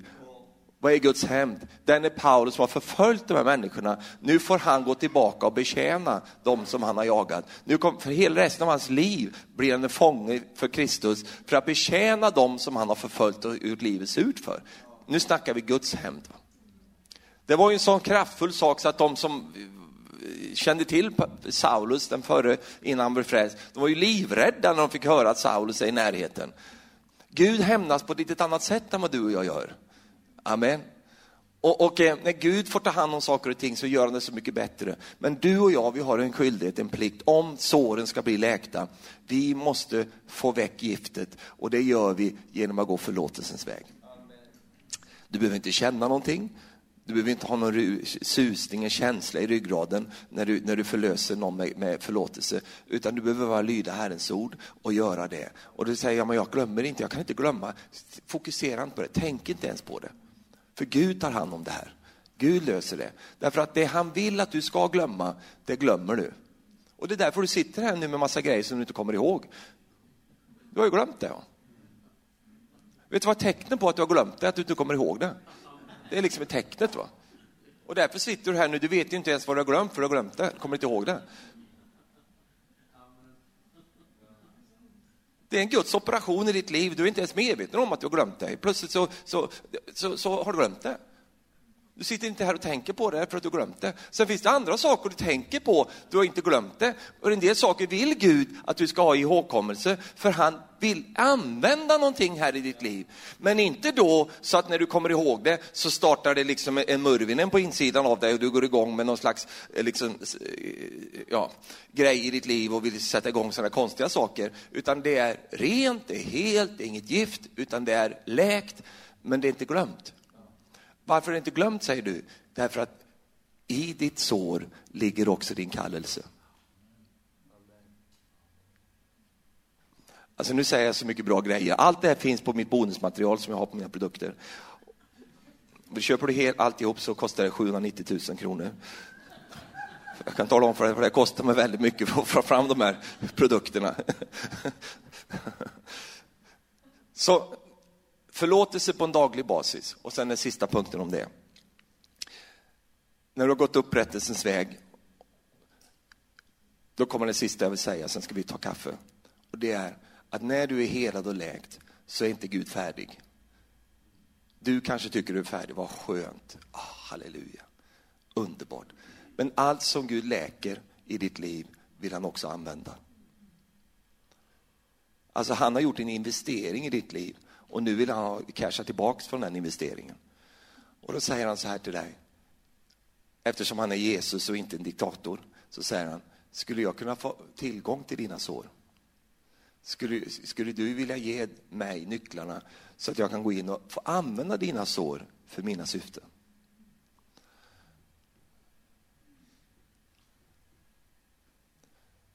När du låter Herren hela dig och upprätta dig så har han ett steg till och det är där du har dina sår, där vill Gud använda dig.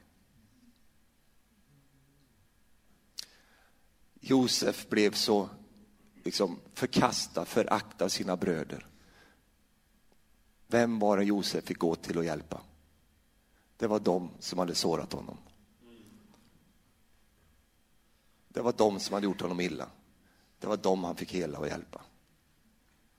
I såren låg kallelsen. Och det är så underbart att få bara tänka den tanken. Varför då? Därför att då det du går igenom är inte meningslöst. Utan där någonstans ligger också en väg som Gud har i ditt liv. Om du tar det på rätt sätt så kommer Gud, när han får tillgång till dina sår, som han redan har läkt, så kan det bli en fantastisk plats av uppmuntran till andra människor.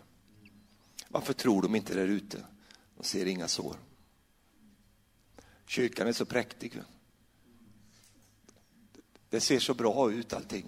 Så hedningen där ute tänker, ja, men så där bra kan det inte vara. Jag kan inte tro, det finns inga sår. Varför vill de dölja sina sår? Varför vill de låtsas att det är som, det, så fruktansvärt bra när jag ändå känner här inne att så där bra är det inte? Samtidigt är det ju så här att församlingen, Guds folk, Guds, Guds plats på jorden är ju också världens hopp. I det sista som har varit nu med, med de här sorgliga händelserna som vi, vi alla har gråtit mycket över så, så har jag följt det där och jag har ju icke-kristna eh, vänner och så vidare. Och man känner så här med dem. Nej. Nej. Det, det är nej. Inte ni. Va? Nej.